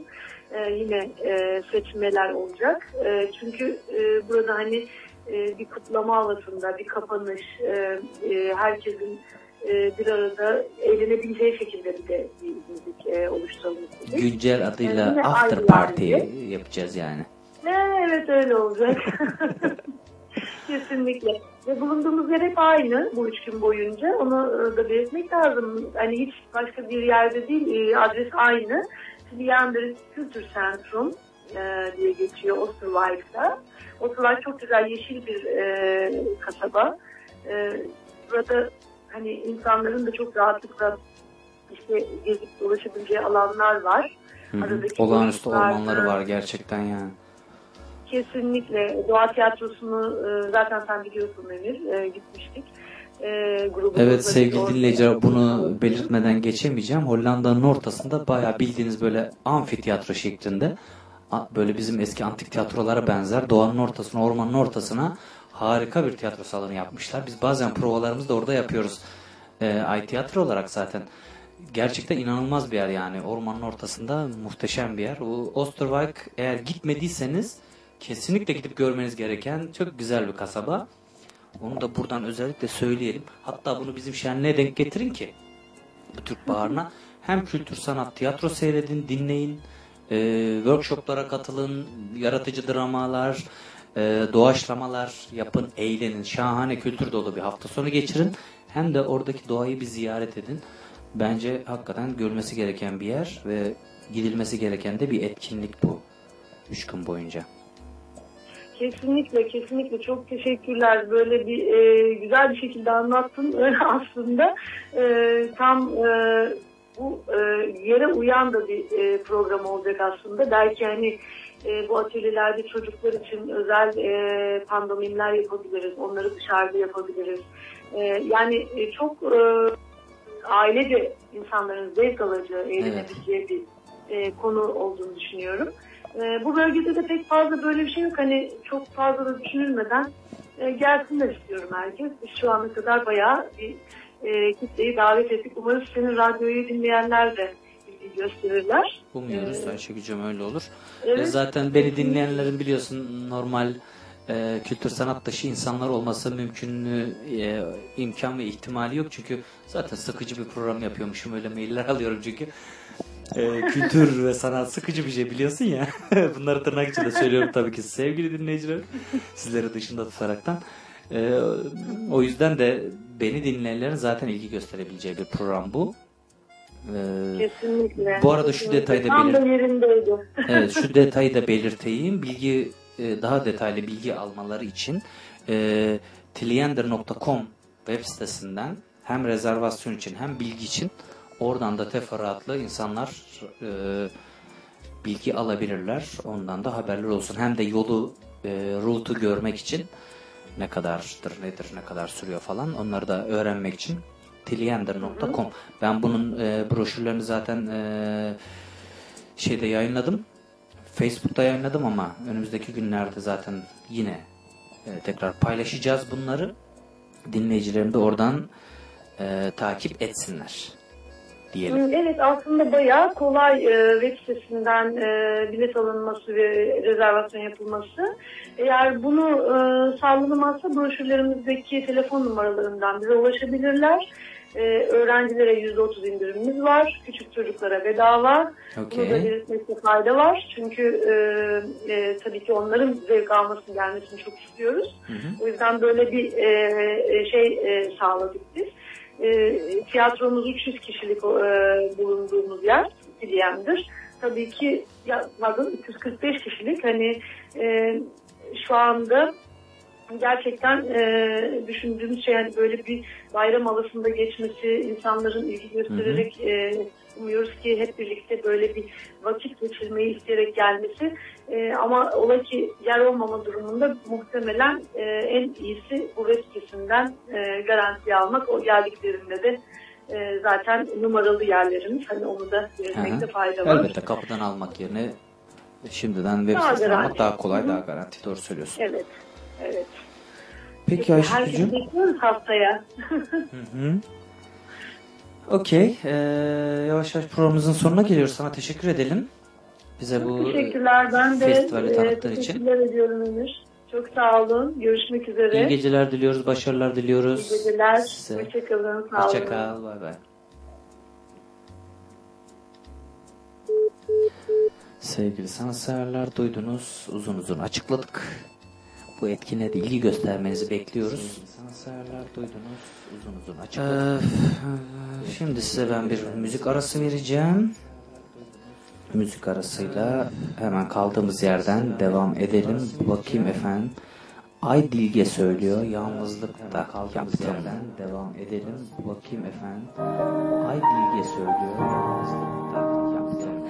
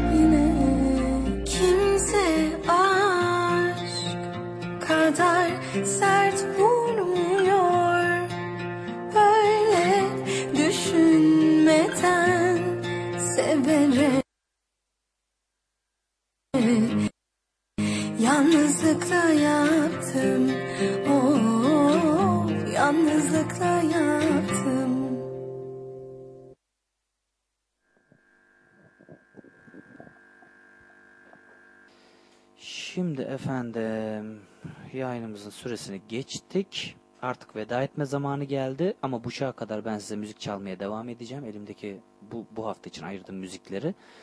Ee, şimdi size veda edeyim. Ee, beni dinlediğiniz için çok teşekkür ederim yine bugün. Bana zaman ayırdığınız için. Hepinize iyi geceler, sanat dolu bir hafta diliyorum. Haftaya salı buluşmak üzere Horus'un gözünde. İyi geceler, iyi haftalar diliyorum.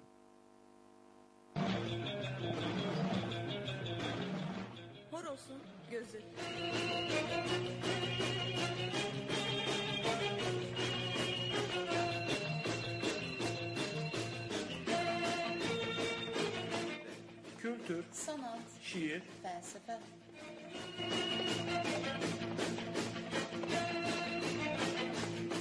Her hafta ödüllü yarışmalar Horos'un gözünde.